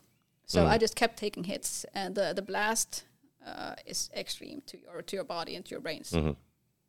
So memory loss, loss of hearing, and then TBI. Like if you've seen like the most extreme cases, which is normal in American football, where where people go crazy and kill their kill people. Yeah, yeah. yeah because of TBI. Its Like impact it, yeah. and stuff like that. It changed your personality. It changes uh, your mood. It changes your memory. Everything. And for me, there was a, a point where I started having problems talking. like I, Okay. I didn't remember words and I couldn't finish sentences. That's uh, one point. It was so bad I couldn't write my name. I, I held a, a Mm. pen in my in my hand and I tried writing my name and my brain would not give signals to my hands. I couldn't do it. oh my god. Yeah, and I threw up while I was driving, and I started seeing green. It was horrible. When I, if I started thinking about a simple thing like putting a note to my calendar, it felt like I had a stroke. I could literally feel like the fuse box just Yeah. Wow, this And I is was, I was, I was kind of worried. I was like, "Holy shit, I'm gonna die of a stroke." yeah, yeah, this is the way I'm going. Yeah.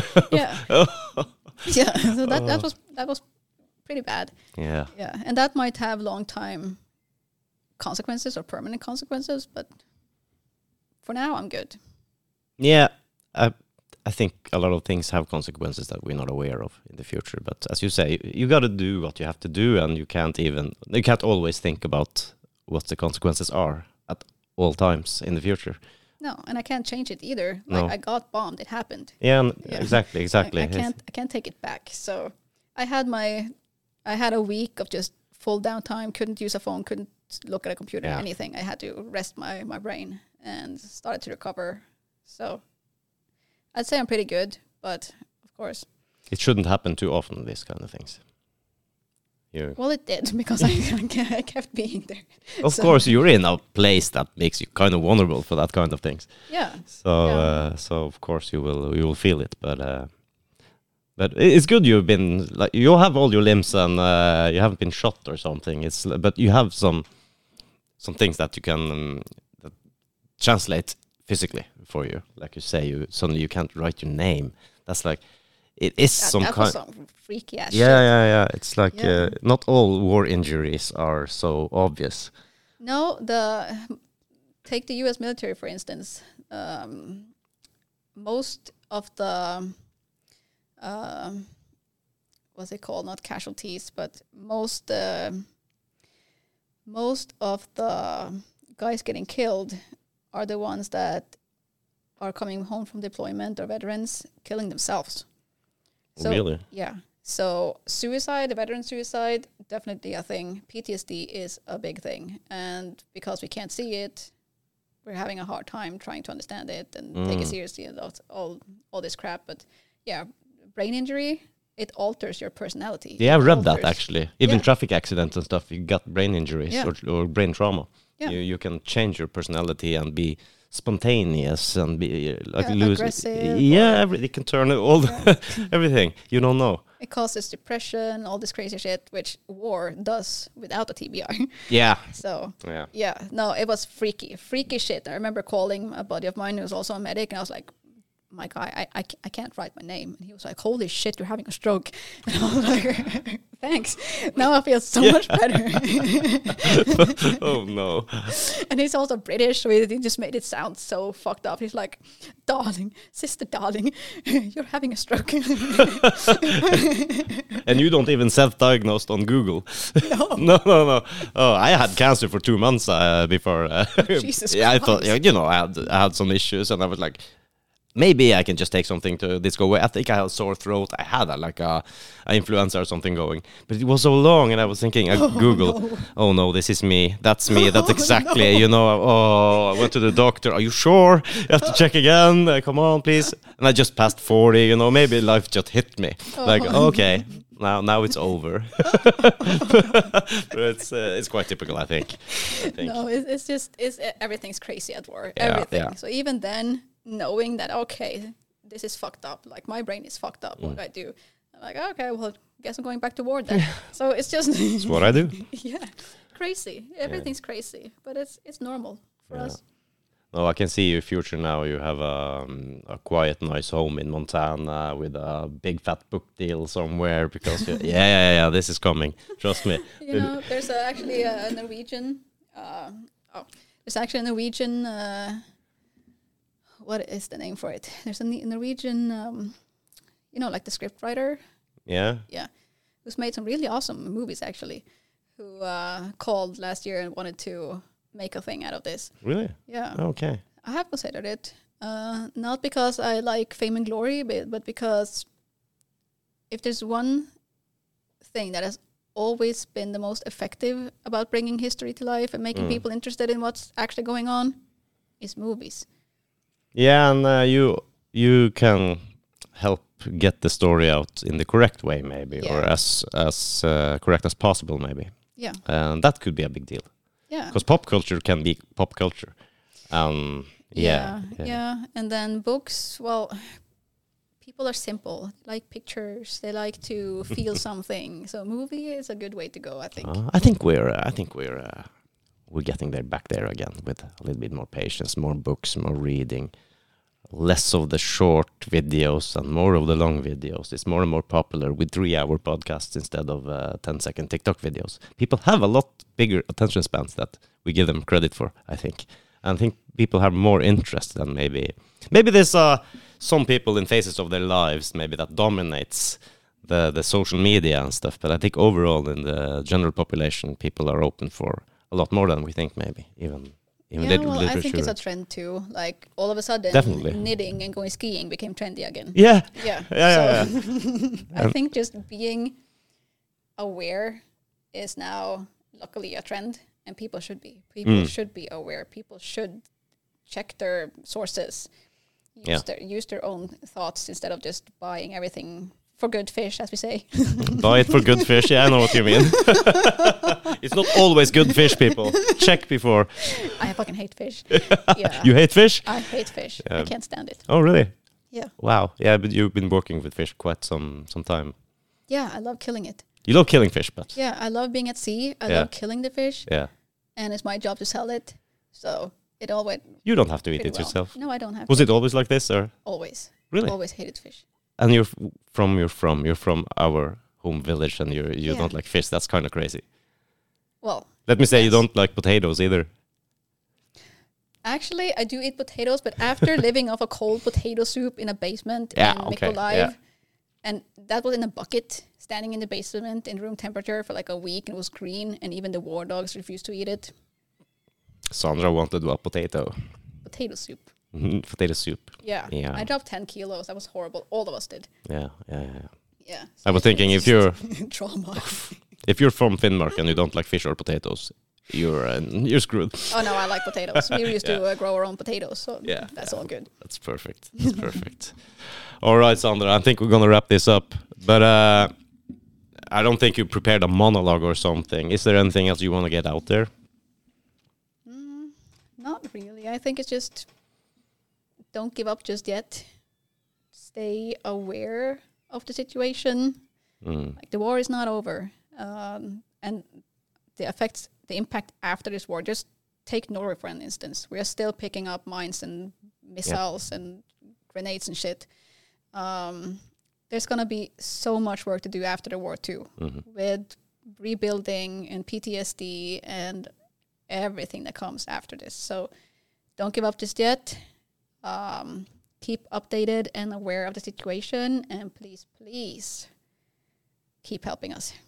Yeah, and what you said about even when the war is over, the job is not over. No, And I think we have to keep remembering that because, okay, now our job is done, let's leave. Yeah, there you go, Ukraine. victory And, and and move on. okay, what happens next? yeah, You have to you have to be there. You have to figure it out. You have to help. You have to donate. You have to do the work, and make sure they can build themselves back up to the point that this never happens again. Maybe. yeah. Even. But just keep in mind that there are thousands of people now having to learn how to live without legs and arms, and there's thousands of Yeah. wives and children without their husbands and fathers, and thousands of homes destroyed. So the the, the war, even even if it ends tomorrow and we can celebrate victory, the job is not done. No, exactly. So, um, where, uh, where can you have you some recommendations on how to stay informed? Keep keep uh, keep yourself informed about the situation over in Ukraine, where the help is needed. Is there some some places it's maybe easier than than trying to search through all the single news media out there? Yeah, in, in this in this war, it's all about just if you know someone you you trust as a legit person or source. Yeah. Use that. Uh, keep uh, updated on social media like Instagram, Facebook, uh, Twitter. Um, there's been some cleaning up when it comes to shady people and war weasels, so most people are now solid. Um, but it's all, and that goes for in Ukraine too. Yeah. It, it's it's by word and rumor, uh, the reputation or recommendation you get from people you trust. So if you already follow someone that you trust as legit, stay in, stay up to date about the recommendations of where you can help and with what, because everything is critical, Yeah. very critical, and it does matter. If you buy two tourniquets, you've saved two lives. Yeah. Right. Yeah.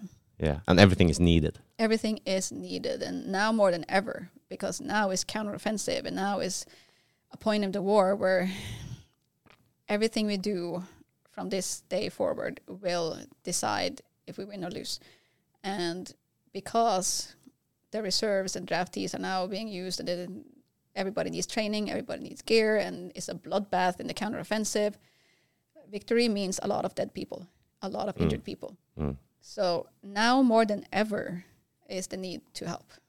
And we we talk. What are we talking here? Helping It's donating money. It's uh, it's donating donating equipment, medical equipment, uh, utilities. You, are you are we as basic at blankets and cooking tools, or is it uh, more more uh, specific uh, stuff? I would say that if I would, I'm not gonna trash any organizations and stuff, but I would pay attention to the teams and the units asking for help because they know very specifically what's needed. So as close to the source as you can yeah, possibly. it goes directly to them. Yeah. There's no middlings or anybody b- benefiting from it other than the people actually needing needing this. They know what they need.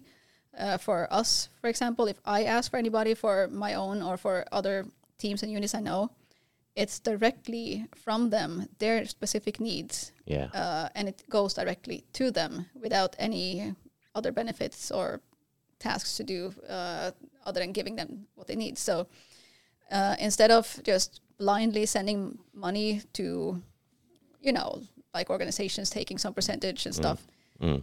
send money to the teams and units that that are saying, "Hey, we, we need help here," or if they're asking for specifics like take blankets then, or boots, or thermals, or tourniquets. Mm. That means they really fucking need it. Yeah. Yeah. I can I can imagine. Yeah, And, so uh, I would go directly to the the, the small groups, the the teams, the units, the Mm. um, fighters. So if you got connections, you know someone who knows someone, or you follow someone you trust on the on media, basically, Yeah. or, or stuff like that. Uh, it's the best way to go. Actually, try to connect through their channels and. Uh, That and is the only way to help directly. yeah, You are helping the fighters directly. Um, if you go through organizations and stuff, you are always gonna like you give money to someone who is then being, hey, we are. They they take your money, they buy stuff, and then Yeah. they want creds and they want publicity and they want all that stuff, and then they give it to the units and the fighters who has to Mm. pay them back by giving them footage, and it, it's it's exhausting. Yeah. Uh, having to, I don't want to say, I'm not, I don't even know what I can say, but be a media whore Mm. You can for say you everything to- in, in for this you book. to get something that you need that other people have paid for you Yeah. to get, but Yeah. this middle link want to use you as publicity so that they can build up their brand. Uh, I suggest, I would recommend just going straight to the source, straight to the to the teams and the fighters asking for help, and send it directly to them, and then Mm. they can do their jobs. You know, you're helping out, saving lives, and helping the fight directly without any media fuss and mumbo jumbo and Yeah. people having to pay. And there's systems uh, in play in Norway uh, or America or wherever that you can you can meet up and donate physically. Uh, I mean gear stuff or money or stuff like that. If you take if you if I uh, make contact with you Yeah. via your Instagram page, I can get uh, descriptions or or something about how to Yeah. proceed with this stuff. I, if I have something I don't need, some Yeah. basically new stuff you could use. How do I how do I physically do this? You have places here. There's two two ways. Most uh, units and teams uh, asking for help, they either say, "Hey, you can donate money to this account, and then we Yeah. will buy this because this is what we need," or they have um, you can send it Nova Poshta, send it to Ukrainian mail office. It's free. Oh yeah, From yeah. Norway? I didn't even consider just mailing it. Yeah, actually, it's no. actually free from Norway, so you can send it directly Okay. to a Nova Poshta, and they pick it up if it's any gear specific that Yeah. you have been able to buy for them. Um, and whenever I ask for something, that's that's the same. If we if people give money for something that some of my guys need, if it's friend uh, friend of mine in other units or companies, Ukrainian or Westerners, Mm. Uh, they ask me, "Hey, are you able to get this and that?" And then I ask social media, "Hey, we need tourniquets, and we need gauze, or we need a backpack and a thermal, or whatever." Yeah. It goes directly to them. I don't get shit for it. Most of the time, I'm paying because I'm also organizing the logistics and the yeah. transport and supply run and whatever. So uh, I would just go straight to the source. Yeah. Avoid all the middle links. That sounds like a very good plan, and I, I think you have a good point here. It may go quicker, it may be more specific, and you can direct it to the places you actually need and what you need, and, and, you get it. work for the units too because it's exhausting having to be a media whore and Yeah. you, you, we will give this to you that someone paid us to give to you but then you have to give us footage i don't have time to give you footage i don't ah, have time and most of the time i don't want to either because opsec and i don't want to i don't No. want my face to be there i don't want people to know who's with me and where we are and what we're doing i want to be Yeah, able to have my guys do the fight without anything else to think about so Uh, okay, so the less you actually have to think about this stuff, the better it is for for you guys. The safer it is for you guys. Yeah, but just think about how insane it is that you have to sell yourself as a media yeah, whore yeah. for other people to, to profit from you, for you to get necessary equipment, for you to fight a war, for people to survive that someone else paid for. How can you even? I don't even know how you how you can expect that. How can you? No, none of these people Propose that. paying this No. money or donating this money to these organizations are, are are asking for footage. No, no, we're not asking for anything in return. I would imagine. But no, but these organizations are. yeah, They get money from you that you want me to have for me to fight and survive. yeah. But this mid link will not give it to me unless I become a media whore and give them footage. That takes time, that takes effort, that jeopardizes uh, everything, becomes a liability. I don't want to do that. People should not have to do that. People should not be used like that in a war. No, that's messed up. Yeah, it is. God damn it. It's annoying, annoying as fuck. There's cynical people everywhere. Yeah, there is. Uh, there is. Uh, even at war, as you say. What do you call it? War? Uh, what do you call those? War weasels. War weasels. I learned a new word today. I'm gonna bring that back home with me. That's uh, a fitting description of those kind of people. I think. Yeah, and I don't mean to trash uh, volunteers doing whatever they can to help out in the war because we need supply guys, we need lo- logistics chains, Yeah. and we need people driving too. But People, I guess people have a lot of their own motivations and Yeah. reasons and stuff, but don't don't be a weasel. don't be a weasel. No. Don't be a dipshit. Yeah, that's good words. And uh, and if people want to follow you, you have Instagram pages. Yeah, it's uh, Dirty Dozen Eira, I think, on both Twitter and Instagram. Yeah, yeah. Twitter and Instagram. You have a Yeah. uh, internet homepage, something like that, or it just social media the best way to No, go. I just opened the. I just opened a merch site actually. Oh, really? Uh, it's not much yet. Uh, it's just a couple of uh, designs, but that was meant for us to avoid the whole asking for money. To this day, we've never asked for money. I don't want to feel like a beggar and a homeless No. jerk. I don't want to have the the pressure of having to be a media whore and people being okay. But if we give you this, then you have to give us that. Yeah. So I was like, okay, what if we start selling merch? People buy a product, and we use this money for everything we need Mm, it for. So that's that's my approach to it because I don't want to have to ask for money. No, just a little basic capitalism in, in there, and you, you got things figured out. Yeah. Nothing wrong with that. No, it's it's not even that because 18 months and I never got paid once to be in this war. I spent fifty thousand dollars at least, maybe more, maybe 70 by now. I don't know, Mm. but I need money too. We all need money. We need food. We need to pay our bills. We need to travel. We need gear. We need to get gas on our car, right? So we can't just and and who the fuck is able to stay 18 months without a paycheck? Yeah, Yeah. Actually, uh, you can say that. Who the and us actually doing what we do and not getting paid is insane enough. So if I Yeah. sell a couple of t-shirts for me to pay my bills and get the gear I need, yeah, that's that's that's the way I chose to go instead of Yeah. asking online for fundraising and stuff. Yeah, I think you have a clear conscience on that one. There's no problem. Maybe it's even easier for other people to donate if you get a, a sticker or a, a cup or whatever, some merch. It's maybe a, a easier way to do things. Yeah, I feel better about it. Yeah, right. Because you actually give something back, Yeah. even though it's not supposed to be like that. You you should be able to just get everything you need, in my opinion, of course. Yeah, But uh, I know a whole lot of people make a whole shit ton of money, thousands of dollars, but none none of the fighters. All, all of the fighters are broke. yeah, yeah, of course they are. Look what they're doing. They're not working on. no, they're not. It's uh, and I think people should remember that and maybe maybe support you as much, much as they can. I hope. Oh Hope. god, I hope so too, because Yeah. we're all flat as broke by now. It's been a long war. And you have a life coming after this too. Hopefully. So need Yeah. to. okay. Well, Sandra, thank you very much for coming. Thank you for having It me. was uh, well worth the wait. Well, well, thank you for being patient too. Oh, of course. If there's anything, I'm patient. Uh, and uh, I wish you a lot of lucks in the future, wherever the the, the journey takes you. And uh, let's hope uh, Valhalla will wait for you some more. well, I will definitely wait for everybody I know in Valhalla. Yeah, for sure. And uh, with that, thank you, Sandra.